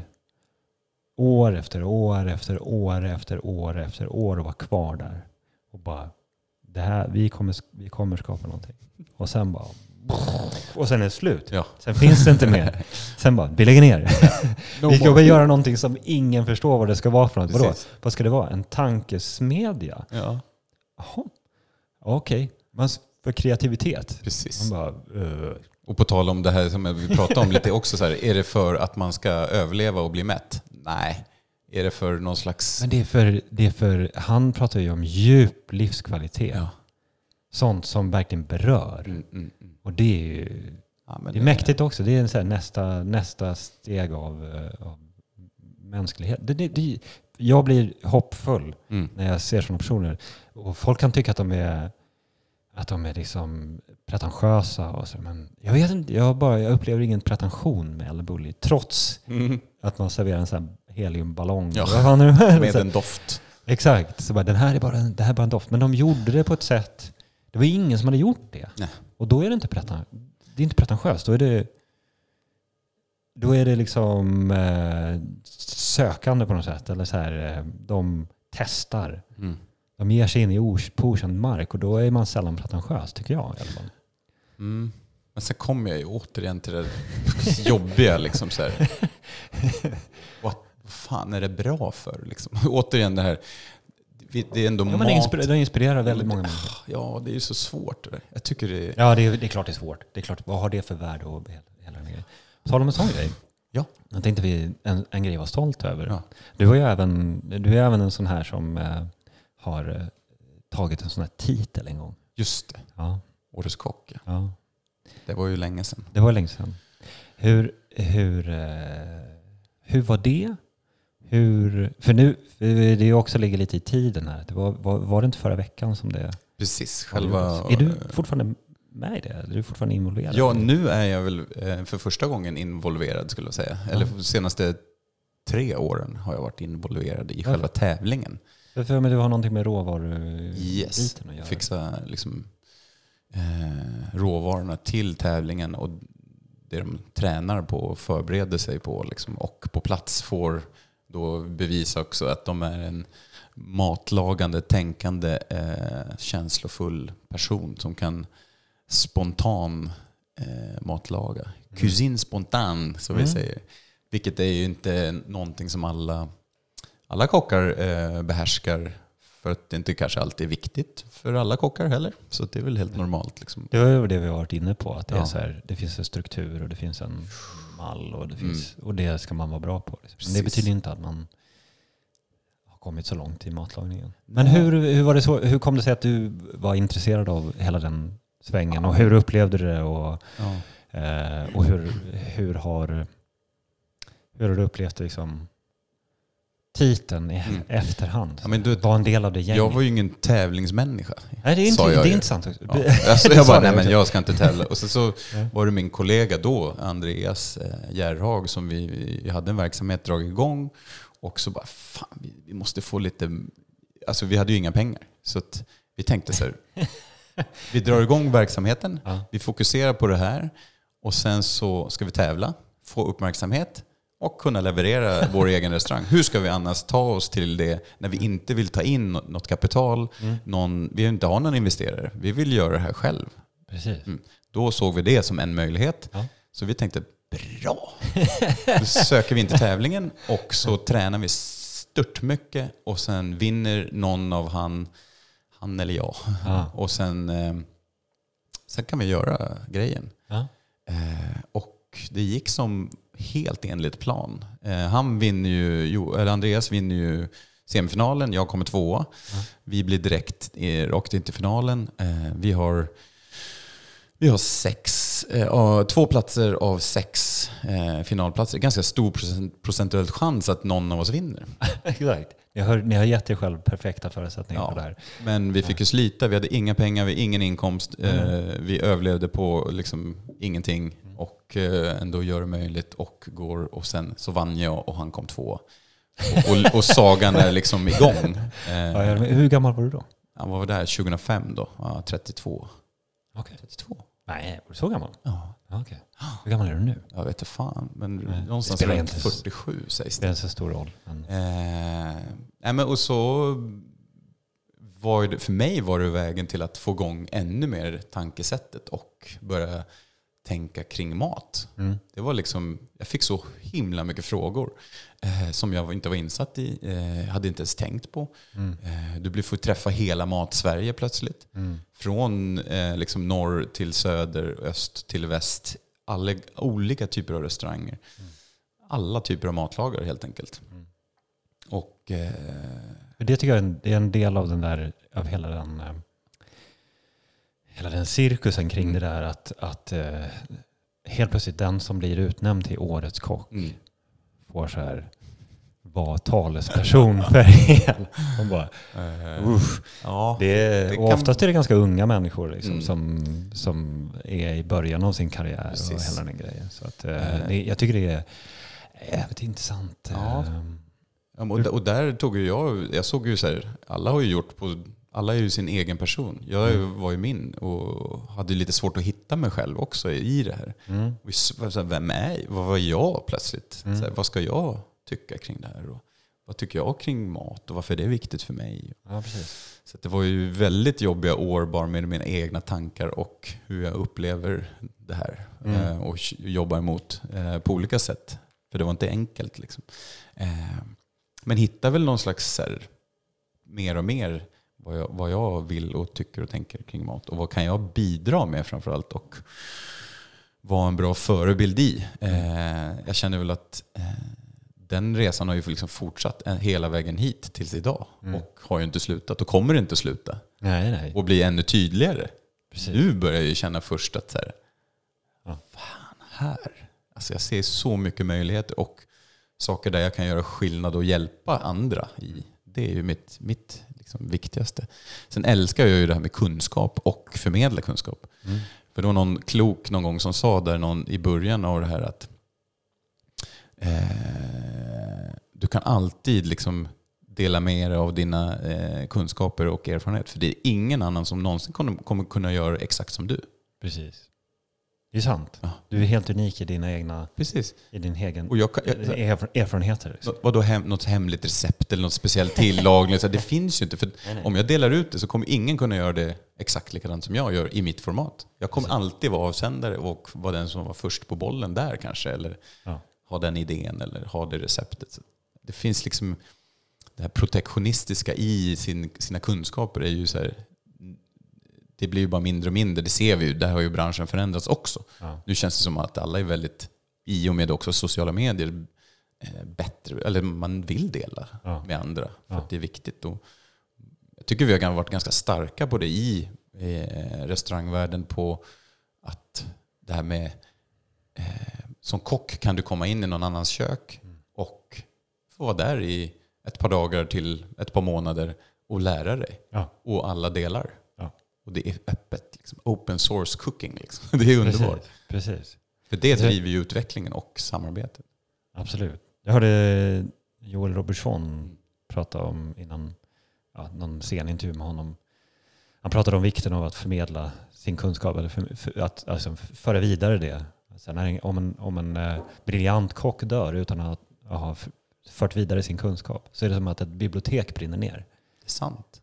Liksom, Det är så, mycket sådana... Jag håller precis med. Ja. Fan vad bra sagt. Han var ju inte helt, helt ogenialisk. nej, han var inte det.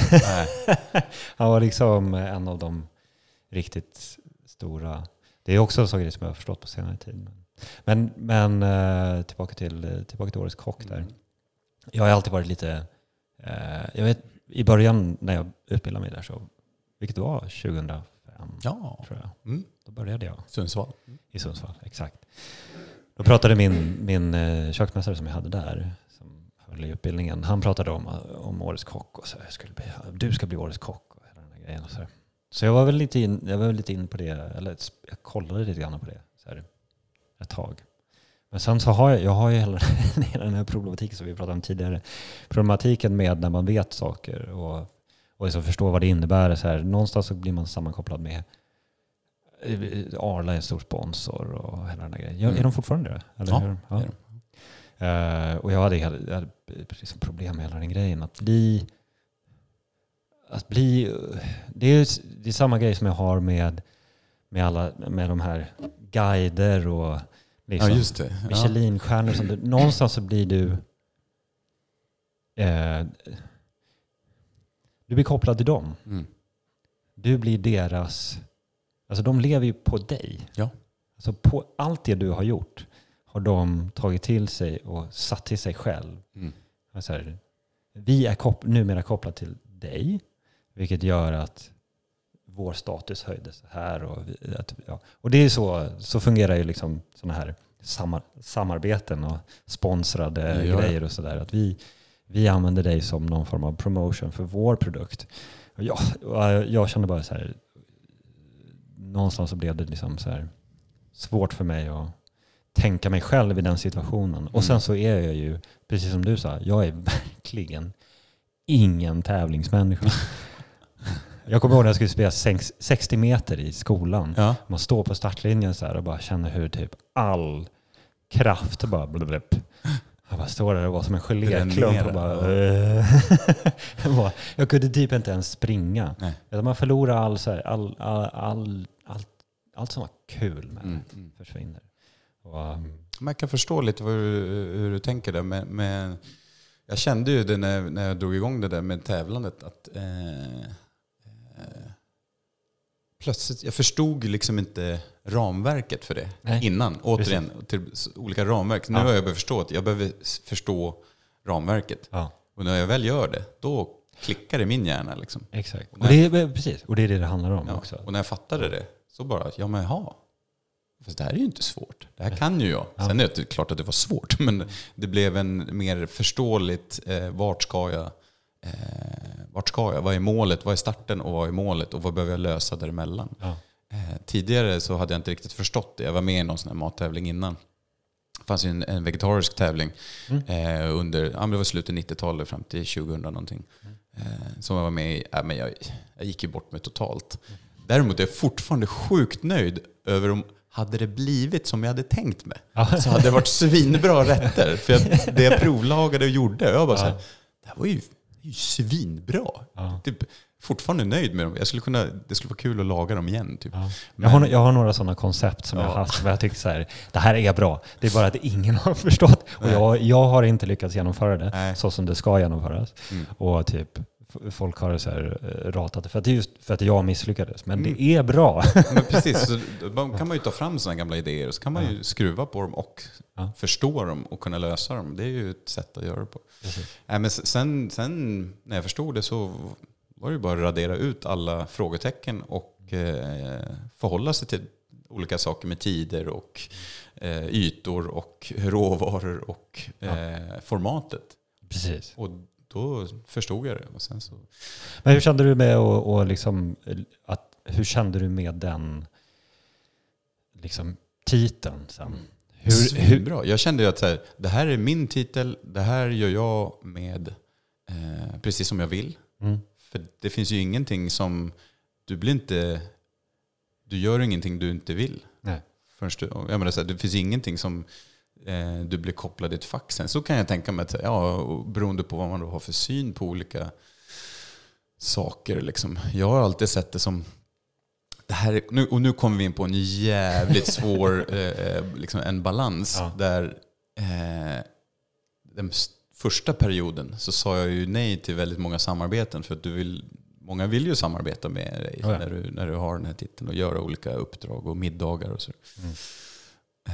Det är den bilden jag fick lite grann, för jag har jobbat med människor som ville bli årets kock. Ja. Och de pratade mycket om, liksom, ja, hoppar man på allt det där, kan man bli, liksom, man kan tjäna, man kan tjäna miljon liksom, på, på ett år. Mm. Under, under året, man bara gör alla de där grejerna. Så, Mm. och då, jag blir bara så här, blir mer och mer så här, "Ugh."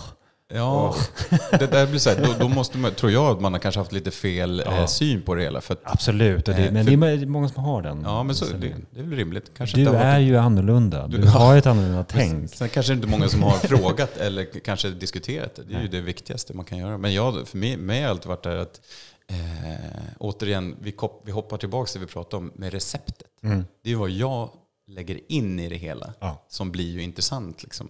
absolut. och vad, eh, hur jag ser på det hela. Och där tycker jag att jag har försökt, så här, som jag sa där i början så gjorde jag väldigt få saker som jag så här, kände att jag ville göra. Men sen så kom jag på en annan, eh, då sa jag nej till rätt mycket. Så här, nej, nej, nej, nej, nej, nej. Men så kom jag på ett annat sätt att göra det på. Det är så här, jag säger ja till allt. De ska alltid få säga nej. Mm. Vilka företag det än är eller vilka middagar eller personer som frågar efter en eh, middag eller ett uppdrag eller en, de vill ha en catering eller en matlagningskurs. De ska alltid få säga nej. Mm. Jag styr ju mitt innehåll. Mm. Okej, vi- jag gör det här jättegärna. Det här gör jag. Inga problem. Det kanske det kommer, fast det kommer vara på det här sättet. Mm. Det behöver innehålla det, det och det. Mm. Ja, ja men det låter jättebra. Ja, bra, då gör jag det. Eh, men det säger man så här, nej det var inte riktigt vad vi hade tänkt. Nej, men vill inte ni anpassa er då efter vad jag tycker och tänker? Mm. Eller så här, vill göra med den här. Då är det ju ni som säger nej och det är helt okej. Jag har inga problem med det. Nej, precis. För då blir man ju fortfarande, liksom, då kliver man inte över sina egna, liksom, Nej, sitt eget ramverk. precis. Där har jag försökt hålla med. Eh, sen så, eh, Jag tycker du har gjort det väl. Ja men Jag tycker, du har, jag tycker du har navigerat den där eh, som är då ganska så här, eh, det kan vara väldigt svårt navigerat för människor som får den där, den där rollen. Liksom. Ehm, jag tycker du har gjort det väl. Och eh, eh, fokuserat på de frågorna som, som du tycker är viktiga. Ja, sen så har jag ju, du, men du har ju kanske haft en idé. För, du hade kanske en idé före det. Eller du hade ju det. Den, liten idé hade jag ju innan. Jag har ju jobbat med några människor där innan som var ju mina förebilder och som, som jag har snott allt av, som, man, som det heter. Med alla deras idéer tar man kokar ihop till sin egen erfarenhet. Men det är ju så det är. Ja. Så det, är liksom. Och då blir det finns väldigt få som är helt unika. Ja, Det är väl kanske men Ferran då. Ja, ja, han är väl, det är sån en gång per, per eh, millennium liksom. Eller vad det är. verkligen. verkligen. Eh, när kommer nästa sån som förändrar maten på det sättet? Liksom? Återigen eh, så tror jag att man eh, behöver, ja, men jag, är, ja, jag är ju som jag är och då blir det som det blir. Liksom. Mm. Sen så såklart, jag har ju jobbat svinmycket med KBT och personlig utveckling och för att jag var liksom, ja men, ja men det låser ju sig ibland. Ja. Som livet kommer ju också och då Ja. måste man ju förhålla sig till, jag kan ju inte bara driva mina frågor utan att förhålla mig till mitt eget liv. Liksom. Precis. Mycket spännande, men som kock och årets kock så återigen eftersom jag alltid älskat det med kunskap och råvaror och gärna dela med mig så har jag ju varit på mycket restaurangskolor och eh, hållit mycket utbildningar och eh, på, på restaurangakademin eh, har jag fortfarande en del i deras här kökschefsutbildning där Mm. vi pratar om det just med de går, där går ju många för att få mer kunskap om eh, kalkylering, ekonomi, helhetsfrågor, ledarkunskap. Precis. Så kommer jag där och ska prata råvaror Mm. inom vissa. Jag kan ju inte låta bli de andra heller, liksom områdena för att dela. De hänger ju ihop. Ja men visst. Ja. Men, ja, men så mycket av den här kunskapen, det är kul att förmedla till eh, det man har lärt sig till unga som ska in i branschen. Liksom. Fan det är avgörande. Absolut. Du kopplar till ett annat eh, råvaruprojekt. Ja. Eh, exceptionell råvara. Ja. Som är numera en förening. Det gick Ja. från ett vårt treårigt projekt till en förening. Kul, men är, är det fortfarande liksom samma personer bakom eller har det... Eh, det, är, det var ju Björn Franzén och Mattias Kron som Ja. drog igång det där då 2011-12. Ja, eh, och precis. sen... Något som jag också har varit väldigt kritisk till. Ja, Men det tror jag vi har pratat om ja när, vi, absolut. när vi träffades där på... Ja, på jag var på en av de där. precis. Två. Ett, ett ja. möte och sen var jag, gjorde jag en lunch Mm. på otacksam lunch när det Ja. var köttprovning. Ja. ja, men det var en väldigt trevlig lunch. Den var ju grym. Eh, Buljong, ja, just det. Det gillar man ju, buljong. remember.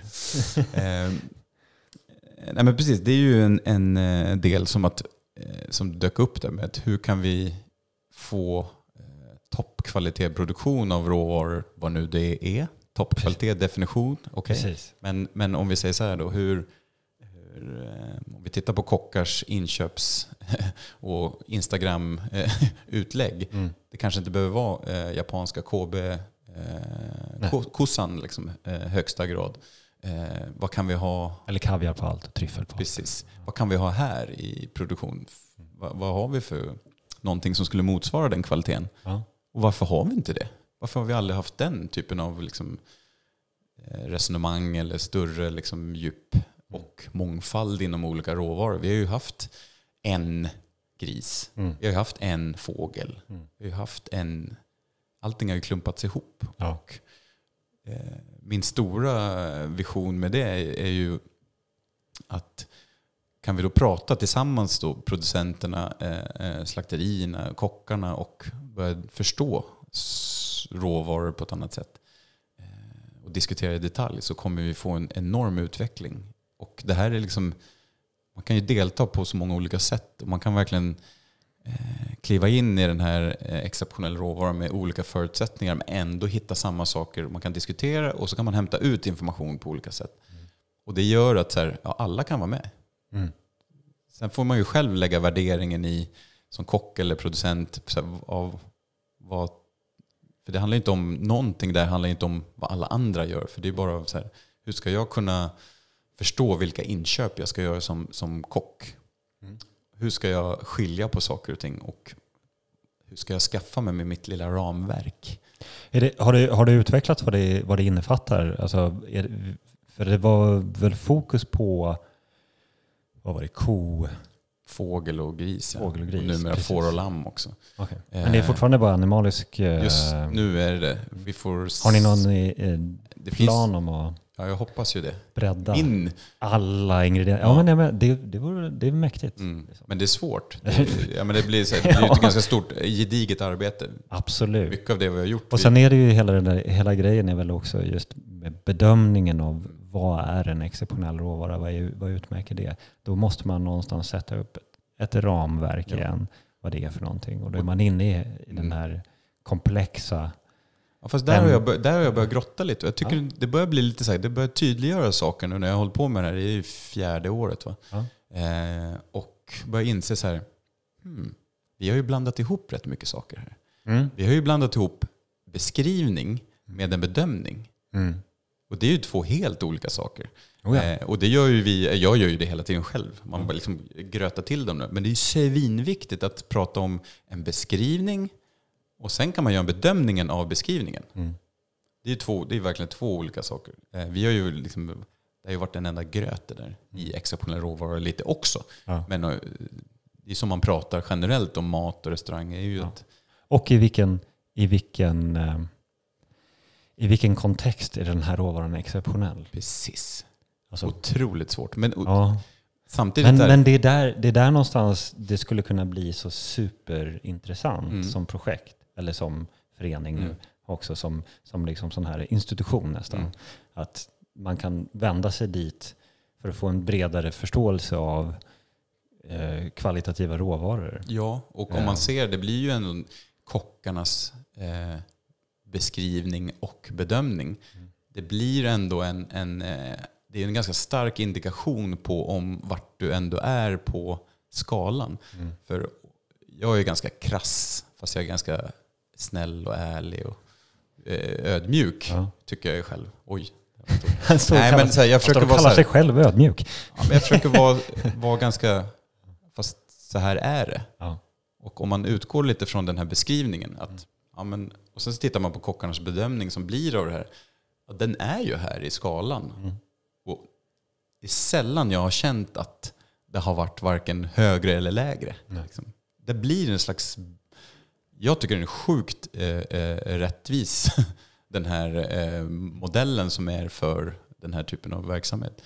Men sen så får man ju då det vi alltid påpekar med den här, eh, när vi har de här utvecklingsmötena som är ett antal per år och ett smakmöte då som vi har i slutet av året.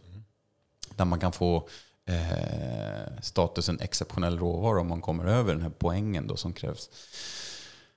Jag tycker ändå att eh, man måste ju kunna få eh, hämta ut sin information på det sättet man, man vill ha den. Sin verksamhet, eh, alltså råvaror kan ju finnas i, ol- på olika sätt. Och om du vill plocka ut den råvaran och använda den i din verksamhet på den sättet, då är ju, det, är inget, det finns ju ingenting som eh, säger att det inte kan vara så. Och det är det, det- och där, där krävs det väl liksom en, ett större samtal kring det där. Att för för att det, är ju så att, som vi pratade om tidigare också, att många, om någon har sagt eller utmärkt det här till exceptionellt, då vill alla ha det. mm, Liksom, men okej, då är det det jag ska ha.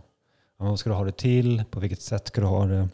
Hur tänker du kring liksom hela, fungerar det i din verksamhet ens? mm, Bara för att det anses som... Mm. Det, det, vi har ju de här, de här eh, råvarorna som anses som så här, det bästa man kan få tag Mm. på.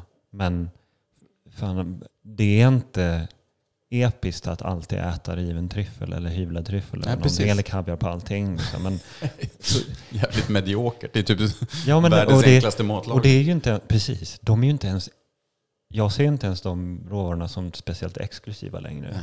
För att man får det på alla, alla restauranger av dem, på den nivån mm. så är det, det, är, det är en, samma sak där. Det är en standardmall. Är det den här nivån så ska det serveras det här. Där, om vi kommer tillbaka till typ, eh, Fredrik eh, Andersson, Mm. hette han väl? Nej, Eriksson. Erik? Nej, Andersson. På Mistral. Ja, ja, ja, ja. Många Fredrik här. Många Fredrik, Ja. exakt. Jag har många Johan och många Fredrik. där i, i, det är svårt att hålla reda på alla. Nej men han är ju, var ju en sån outlier i att så här, det är en episk rova. Åh. Jag bara va? Vadå? Kan det, vad är det här? Ja. Kan det vara, och de här eh, du vet, nyskördade eh, eh, haricots Ja. som, som bara liksom lätt ångades med riven gösrom och en lätt vispad grädde med vin i. Mm. Du dog ju när du åt den där. Mm. Men så- när man, när ser det, när man är van att Ja. en restaurang på den nivån som de var ändå, Att det ska liksom vara en helt annan typ av mat.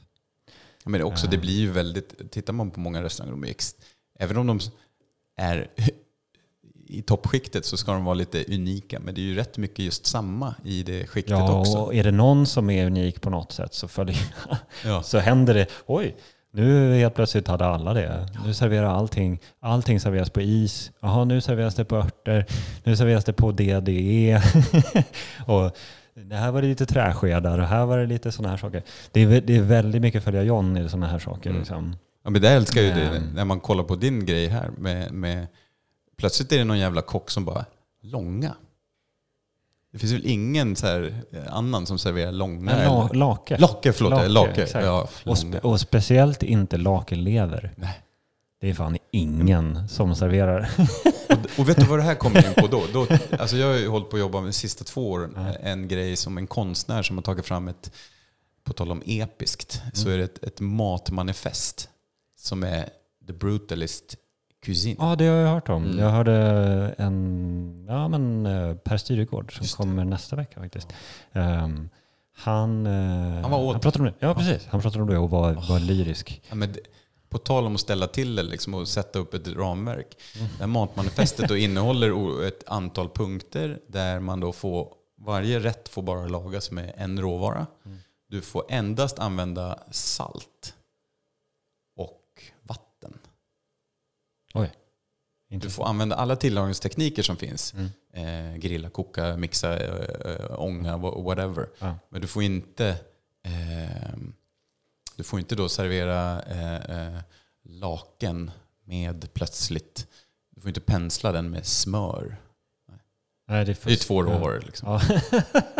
Du får använda salt och vatten. ja, ja. Och allting som in, eh, laken innehåller i form av hela fisken. Och sen får du då göra olika fermenteringar och torkningar och whatever, I don't care. Det, Okej. det får ju du bestämma, helt oväsentligt allt annat. Eh, och sen får du bara laga den här tallriken då. Om du är i ett område där det finns lake, typ. Mm. Mm. För du lagar ju inte lake, flyger när du är i Los Angeles så lagar du inte lake. Nej, det finns ingen poäng med det. Och det är, det är poängen till varför jag serverar lake också. Ja. För att fiskarna, alltså nu, nu använder jag, eh, köper jag fisk av Per Widlund Mm. på Ängsöfisk. Vilket jag tycker är, jag, har ju, jag jobbade ju fem år för att köpa fisk av honom. Oj! Men det, fick, det tog lång tid. Ja. Men sen så, sen så lyckades vi, jag började faktiskt prata om lake och lakelever. Mm. Och då blev han intresserad av vem fan jag var. Och tyckte att du kanske är intressant. Kanske, jag kanske kan sälja fisk till dig. Så det tog, tog en, en lång stund. Men um, eh, man får ju faktiskt upp det. Mm. Och han har ju ett sätt att fiska på som jag tycker är väldigt eh, vettigt. Eh, Helt, helt, det känns så helt logiskt. He, precis, det är precis vad det är.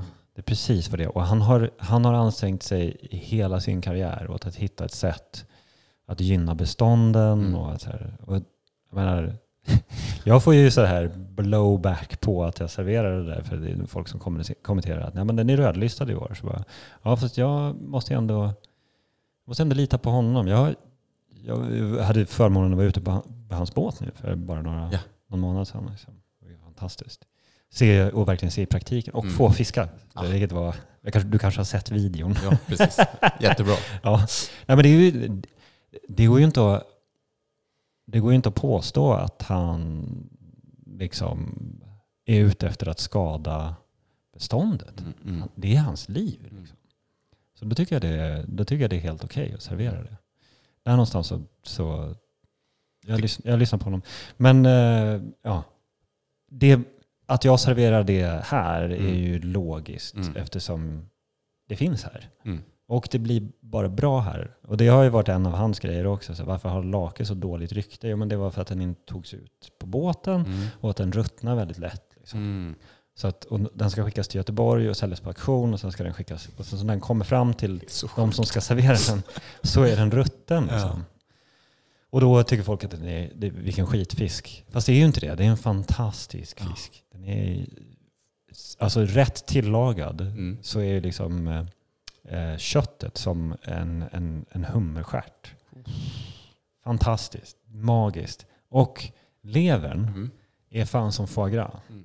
Alltså du, får du möjlighet någon gång, Mm. försök, Ja, försök skaffa det. Och sen så, jag saltar den ett dygn i saltlag och kryddor och grejer. Eh, eller kör som en, kör som en ehm, om man skulle göra en foie gras och torsion eller något Ja. sånt där. Liksom, efter, efter saltning så får den marinera i lite, i lite vin och grejer Mm. och, så här, och kryddor. Och sen så pressar jag ihop den. Ett sånt ställe där jag faktiskt eh, använder eh, den fördömda plasten. Ja, just det. Vakuumförpackar, Mm, mm. trycker till den så att den liksom Ah, formas mm, och sen så ångar den Mm. i typ 10 minuter eller något sånt där. Jag skriver ner Ja, skriv ner det. Och då blir den, alltså... Vilken sen- temperatur? ångar? Ja men typ eh, rationalånga 98 grader eller något sånt där. Ja. Um, kyl ner, eh, precis, se till att den är pressad sådär. och sen skär, så skär man liksom bitar. Alltså helt jävla magiskt. Och den har liksom en, den har en sån renhet i. Fattar. För det är ju bara fett. Liksom. Ja. Ju, Och väl omhändertagen från... Frå, precis. Jag, skulle, jag tar ju inte liksom det av någon annan. Jag vet ju att han har hanteringen. Så, ja, men han är så, så, så bra det kan bli därifrån. Det är skithäftigt. Men som sagt, det är ju den högsta lyxen man kan få här. Precis. Det är ju det mest unika man kan få här. Ja, jag älskar det tänket. Ja, det, och det är väl det man vill äta också. Men jag. Bara, i, i, runt hela världen så bara varenda jävla finrestaurang jag går på så får jag de där jävla havskräftorna från eh, Färöarna. Ja. Usch vad hemskt. De är ju fantastiska Ja. men de är ju som bäst liksom, på Färöarna. Känns Nej, det här är, det här är en otroligt svår fråga också. Absolut, eh, det, är så, absolut. det är så rörigt. Jag får, Ja, men jag, tycker, man- jag tycker man skulle bara, så här, det skulle vara skönt om man bara kunde släppa prestige. Alltså det här är bra råvaror, till att det här, ja, men jag, det var därför jag drogs till nå- någon gång i början av min, när jag började fördjupa mig i restauranger, därför när jag fick reda på Noma, liksom, deras koncept, Mm. time and place, var så här, shit, livsomvälvande. Liksom. Det handlar om tiden på året, platsen på jorden. Mm. Det är det som gör en plats unik. Och det, då, finns det, då finns det något unikt överallt. Det är jävligt, jävligt coolt. Just på fisk, Ja. tanken som jag har hållit på att jobba med ganska länge nu, är ju den här att eh, man, det blir svindlande också. Mm. Det är ganska jobbigt plötsligt. eh, nej, så man blir så här, det blir Ja. lätt att bli lite tyngd. Ja. Eh, men då kommer min KBT in där och bara, det är bara en tanke. Exakt. Jag kan göra det jag kan göra. Nej, men att, tänk dig, större delen av året så är den här fisken i absoluta toppkvalitet. Ja. Hela tiden. Liksom. Förutom vissa tider då, när, beroende på vilken fisk det är. Och de, det är rom och de ska... Ja. Eh, så. Precis. Eh, vattens kvalitet, temperatur och så vidare. Mm. Men allting som sker sen, då, från vilken fiskemetod man använder till hantering när den kommer upp Mm. eh, och processen där, eh, hur lång tid, hur lång, vilka temperaturer vi har eh, från och eh, förpackning tills den kommer fram till slutdestination. Mm. Eh, det är bara det som, bara, det är en ganska stor del, som gör, påverkar fiskens kvalitet. Mm. Eh, vilket är helt sjukt. Mm. Det innebär att vi har liksom hur mycket, hur mycket fisk som helst där ute. All är ju toppkvalitet i princip. Ja, precis. Det finns inte så här, ja men det här var en, det här var en slapp fisk som inte har ansträngt sig och bara har ätit liksom godis hela dagen. Nej, Nej det är bara processen mellan eh, från fiskevalet till eh, där man handlar den, som, eller man får in den i köket. Och det är väl det som är liksom, så här, det är väl där den här äkta hantverkskunnandet kommer in också i en, om man är eh, liksom yrkesfiskare eller vad som helst. Att man, Mm. ska, att man kan se, den här fisken kräver det här. Den här fisken kräver det här. Och där kom vi in på en ytterligare då, en detalj som vi upplevde. Första gången vi gjorde den här eh, då, brutalistmiddagen var i Los Angeles. Okej. Det här är konceptet då med den här idéerna är att det är ungefär som du sa, time and place. Mm. Det är, liksom, det är översättligt i var du än är Mm. så kan du Och det- använda av det här. Precis. Jag älskar ju idén direkt. Ja. Så att det handlar ju om att du ska lokalt eh, sourca dina råvaror. Eh, gärna hitta råvaror som är lite förbisedda eller eh, inom eh, citat eh, par, eh, vanliga. Liksom. Eh, men också hitta udda saker och små kvantiteter och allt däremellan. Mm. Och då när vi är då i Los Angeles och vi får tillgång till en restaurang som är en av stjärnrestaurangerna där eh, och får använda sig av hela deras nätverk med, med odlare. De har ju den här starka farmers market som inte vi har på samma sätt här med en enorm mängd av producenter som man då får tillgång till. Eh, Men mycket bygger också på, i manifestet så är det att du ska gärna besöka platsen och producenten eller fiskaren eller vem det nu än är. Eh, Och få hela förståelsen där. Och så ska man gärna då få de här råvarorna till köket och så vidare. Och när vi då pratar med dem innan, så vi vill gärna, vad finns det för fisk och skaldjur? Så här, de bara, we have everything, you know, la la. la. Så kommer vi dit, vi en vecka innan middagen så börjar vi, så börjar vi leta. Vi har ingen aning om vad vi kommer få. Vi vet inte vad det finns för någonting. Vi har ingen, allt, sid, en blank, blank sida. Och så börjar man åka runt och titta på råvaror och prata med producenter och hitta de här. Och så fantastiska grönsaker. Otrolig kvalitet. Vissa saker som man inte trodde var möjligt. För att det finns en stor diversitet inom varje område. Ja. Med olika sorter på eh, vad det nu kan vara för råvaror. Som vi inte hade, jag har inte upplevt det tidigare på så, den typen av... eh, För de har ett annat klimat och kan odla andra saker. Oh ja. Eh, och så kom vi till fisk och skaldjursdelen. Helvete. De bara, you know, we got, we, kockarna, de liksom, ah, we fly everything, we got, you get two times from Japan every day. Ba, ba, ba, ba. Man bara, eh, jo, jo, men vi var ju intresserade av vad finns här i, i bukt, Ja. bukten. Liksom. Ja. Finns det någon fiskar överhuvudtaget? Så här. Ah, alltså, vi vet inte. Vi jobbar ju inte med dem. Så här, vad, vad, vad, vad, menar ni? Liksom? Vet, återigen det här sättet att tänka. Till slut, efter mycket om och men, så får vi tag i en plats där det och kommer in några fiskebåtar som säljer varje morgon, då, eh, förutom på eh, om det var måndagar eller tisdagar. Eh, Så säljer de det de har fångat upp Mm. från området. Och vilka jäkla fiskar. Jag har aldrig, jag har aldrig jobbat med den, några av de fiskarna tidigare. Nej, det är ett helt annat hav. Ja, men helt annat. Och så, så, Det- så frågar vi han så här, ja, men vad är det här för fisk? Ja, så han berättar om lite. Vi ska äta den, vi vill gärna servera den här rå. Så, vilken ska vi ta då? Jag har ingen aning om konsistenser. Och liksom bara, eh, han bara, ah, då ska du ta den här. Så pekar han på den. Eh, vad kan det vara? Någon typ av whitefish. Man bara, whitefish? Okej, vad är det egentligen? Eh, men de kallar det det. Eh, men Väldigt lite- brett begrepp. Ja, men med lite röda toner. Det såg lite ut som något torskhållet men en mycket fastare konsistens, mer seabass-aktigt. Och vi bara, vi, vi kör på den. Och då säger han också så här, den äter mycket skaldjur den här. Vi bara, den tar vi. eh, och tog hem den här, eh, vi får den levererad eh, efter lunch eh, till restaurangen. Kockarna är där, de aldrig sett den där. De lokala kockarna. De har ju ingen aning om det. Nej. Vi öppnar den, vi måste, vad ska vi göra med den? Eh, vi testar den, vi, vi eh, smakar på den.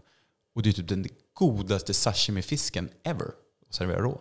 Det var så komplex och djup och stor. Och du vet, som vita fiskar kan gärna vara lite smalare ibland. Liksom så här fasta vita fiskar. Mm. Ja, Men det här precis. var liksom skaldjurssöt.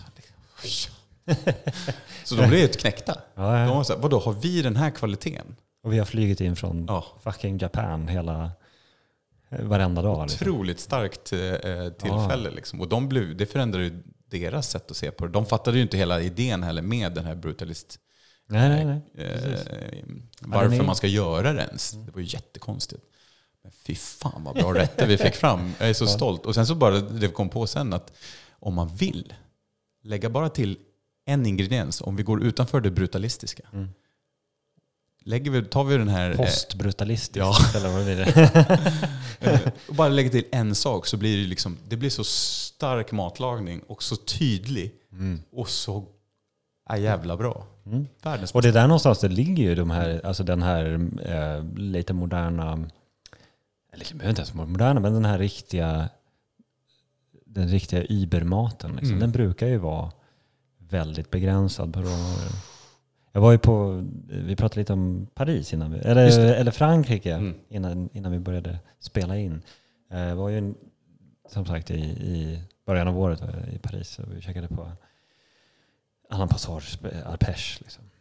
Det var också så här, det har ju, jag har ju bara sett bilder och mm. videos därifrån tidigare och tänker hur bra kan det vara? Liksom. Ja. Hur bra kan det alltså, vara? Det, var helt, det, det, det, går inte, det, det går inte att beskriva. Det var så sinnessjukt. Uh -huh. Och bara, aha, okej. Okay. Nu. Alltså det är det här. Alltså, Återigen det här så att man måste enkelt, få uppleva. Så det, nästan ja. ser, det ser nästan fånigt ut. Ja. Och sen bara... Alltså, Men vad är din upplevelse av vad var det som var det starkaste då i... Liksom, vad var det som att, gjorde att... Dels att, det, dels att, det, att, man, att man faktiskt kan känna vad det är för kvalitet på råvaran. Ja. Att det är så här, shit vad sjukt bra det här är. Och att det såg ut mm. som att människor har lagat maten. Oh. Det var inte alls perfekt. Nej. Och det var det som var så jävla perfekt med det. Det är, fan som, det är som en stökig bistro där. Mm. Det, är här, det var ganska dålig koll, jag tror inte det var dålig koll, men det är, så här, det är stökigt liksom. Det var några det så spill på någon duk. Och så la de bara ut servetter över det. Så när nästa sällskap kom in och satte sig och så bara... så jävla bra. Va? Vi, vi byter, byter någon jävla duk. Men maten var så, här, var så jävla bra. Uh, och så käkade vi på table med mm. bruna verjus. Mm. Det är också en sån här... Bara sättet att behandla de här fantastiska råvarorna som man mm. får in. Det är tillagat sig till Mattias igen. Mm. Uh, jag försöker övertala Mattias att komma hit och med. Kron? Jag vill prata med honom. Ja, exakt. Ja. Han är ju ja, han Nestor. Är ju... Nestor Mattias, fantastisk. Nej, men han hade ju sagt så här, ja men de, alltså han gör ingen prepp. De sköljer inte ens grönsakerna innan. Han bara, ja ja. Ja, ja de kokar lite såser och sådär, men det gör inte det. Och så kom vi in och bara satt där halv åtta. Ja. Tänker man så här, det är ju sent, men vi är första gästerna. Men det sätter sig, det är barservering så här. Mm. Sätter sig där och så börjar de skölja grönsaker. Jaha, okej. Okay. Och öppna humrar framför en och liksom, alltså ta koll på dem och så här, och tillaga allt. Alltså det var och det, här, två humrar som räcker till hela restaurangen. Och jag bara, där satt jag så här, bara, vi har helt missat bollen i mm. Sverige vad det gäller vad, vad hållbar gastronomi är för någonting. Mm. Det är det här det är. Mm. Bara, det handlar inte om så här, laga mat på blast och liksom inte inte slänga det här. Och utan det handlar om att hitta de, det absolut bästa man kan få tag på mm. genom de kontakterna man har. Och sen använda dem så effektivt och respektfullt som det går. Mm. Och bara, fan, det, för det måste ju vara njutning inblandat i det också. Det måste ju vara, det måste ju fan vara episkt. Mm. Det kan inte bara vara så här, ja men det är bra för miljön. Liksom. Mm. det måste ju vara så här, man måste bli paff också. Mm. Det var skithäftigt att uppleva. Ja, men det, ehm. jag är med på vad du säger, det, ja. men samtidigt så här, fast. det, det, har vi ju också testat nu rätt länge. Att. Eh, det är ju rätt många som har den så här uttrycken, vi köper bara de bästa ja. råvarorna och där, där, där, där, där. Och då blir ju det så här... Ja, men det är ju det som är grejen. Det, det, handlar, det handlar inte om att säga det och det har det ju gjort Nej. länge. Mm. Det är ju bara en fras man säger och det är mm. därför jag säger, jag har helt slutat så här, prata om hållbarhet. Mm. För att jag tycker bara, det är inte det det handlar om. För det jag har kommit fram till är att det handlar om, i mitt fall, mm. så handlar det om resiliens. Mm. Och typ all, all vad heter det, ambition jag har haft här har varit att få till det så jag kan fortsätta göra det jag gör. Mm. Och, jag vill, och jag har hittat de här fantastiska producenterna och jag vill fortsätta jobba med dem. För att de gör bra grejer. Ja. Liksom. Och det är ju, det är ju, men det är ju det som är så här, hur sätter man in det då i en stadsmiljö? Exakt, det där är, det där är hur svårt. Hur gör man det? Jag, det folk säger så här, om du hade legat på Söder så hade du haft fullt hela tiden. Så bara, nej, jag, du har inte haft en... jag, hade inte, jag hade inte, det här hade inte kunnat ligga på Söder. För jag hade inte kunnat jobba så här då. Alltså det, det är samma sak, vi kommer in där som vi pratade om i början där. Det finns ingenting som är perfekt. Mm. Utan det här kommer, sättet att, att kunna eh, göra på det sättet som man gör kommer med den här nackdelen. Fast den får man bara lära sig att leva med och, och jobba runt. Liksom. Mm. Hitta ett sätt där det fungerar på. Och det är där jag tänker ändå så här då, hur ska Eller hur skulle man kunna tänka på olika sätt i, i, eh, på restauranger som ligger i stan? Liksom? Mm. Vad skulle de, alltså det, samtidigt som så här, det, det coola med kockar är ju, tycker jag, du kan i princip vi är ju någon slags märkliga så här, problemlösare i matlagning. Mm. Vi har ju ett tankesätt då där vi, vi, vi kan ju smak, tillagning och smak eh, med råvarorna. Ska vi, det ska vi kunna. Eh, Ja, precis. I,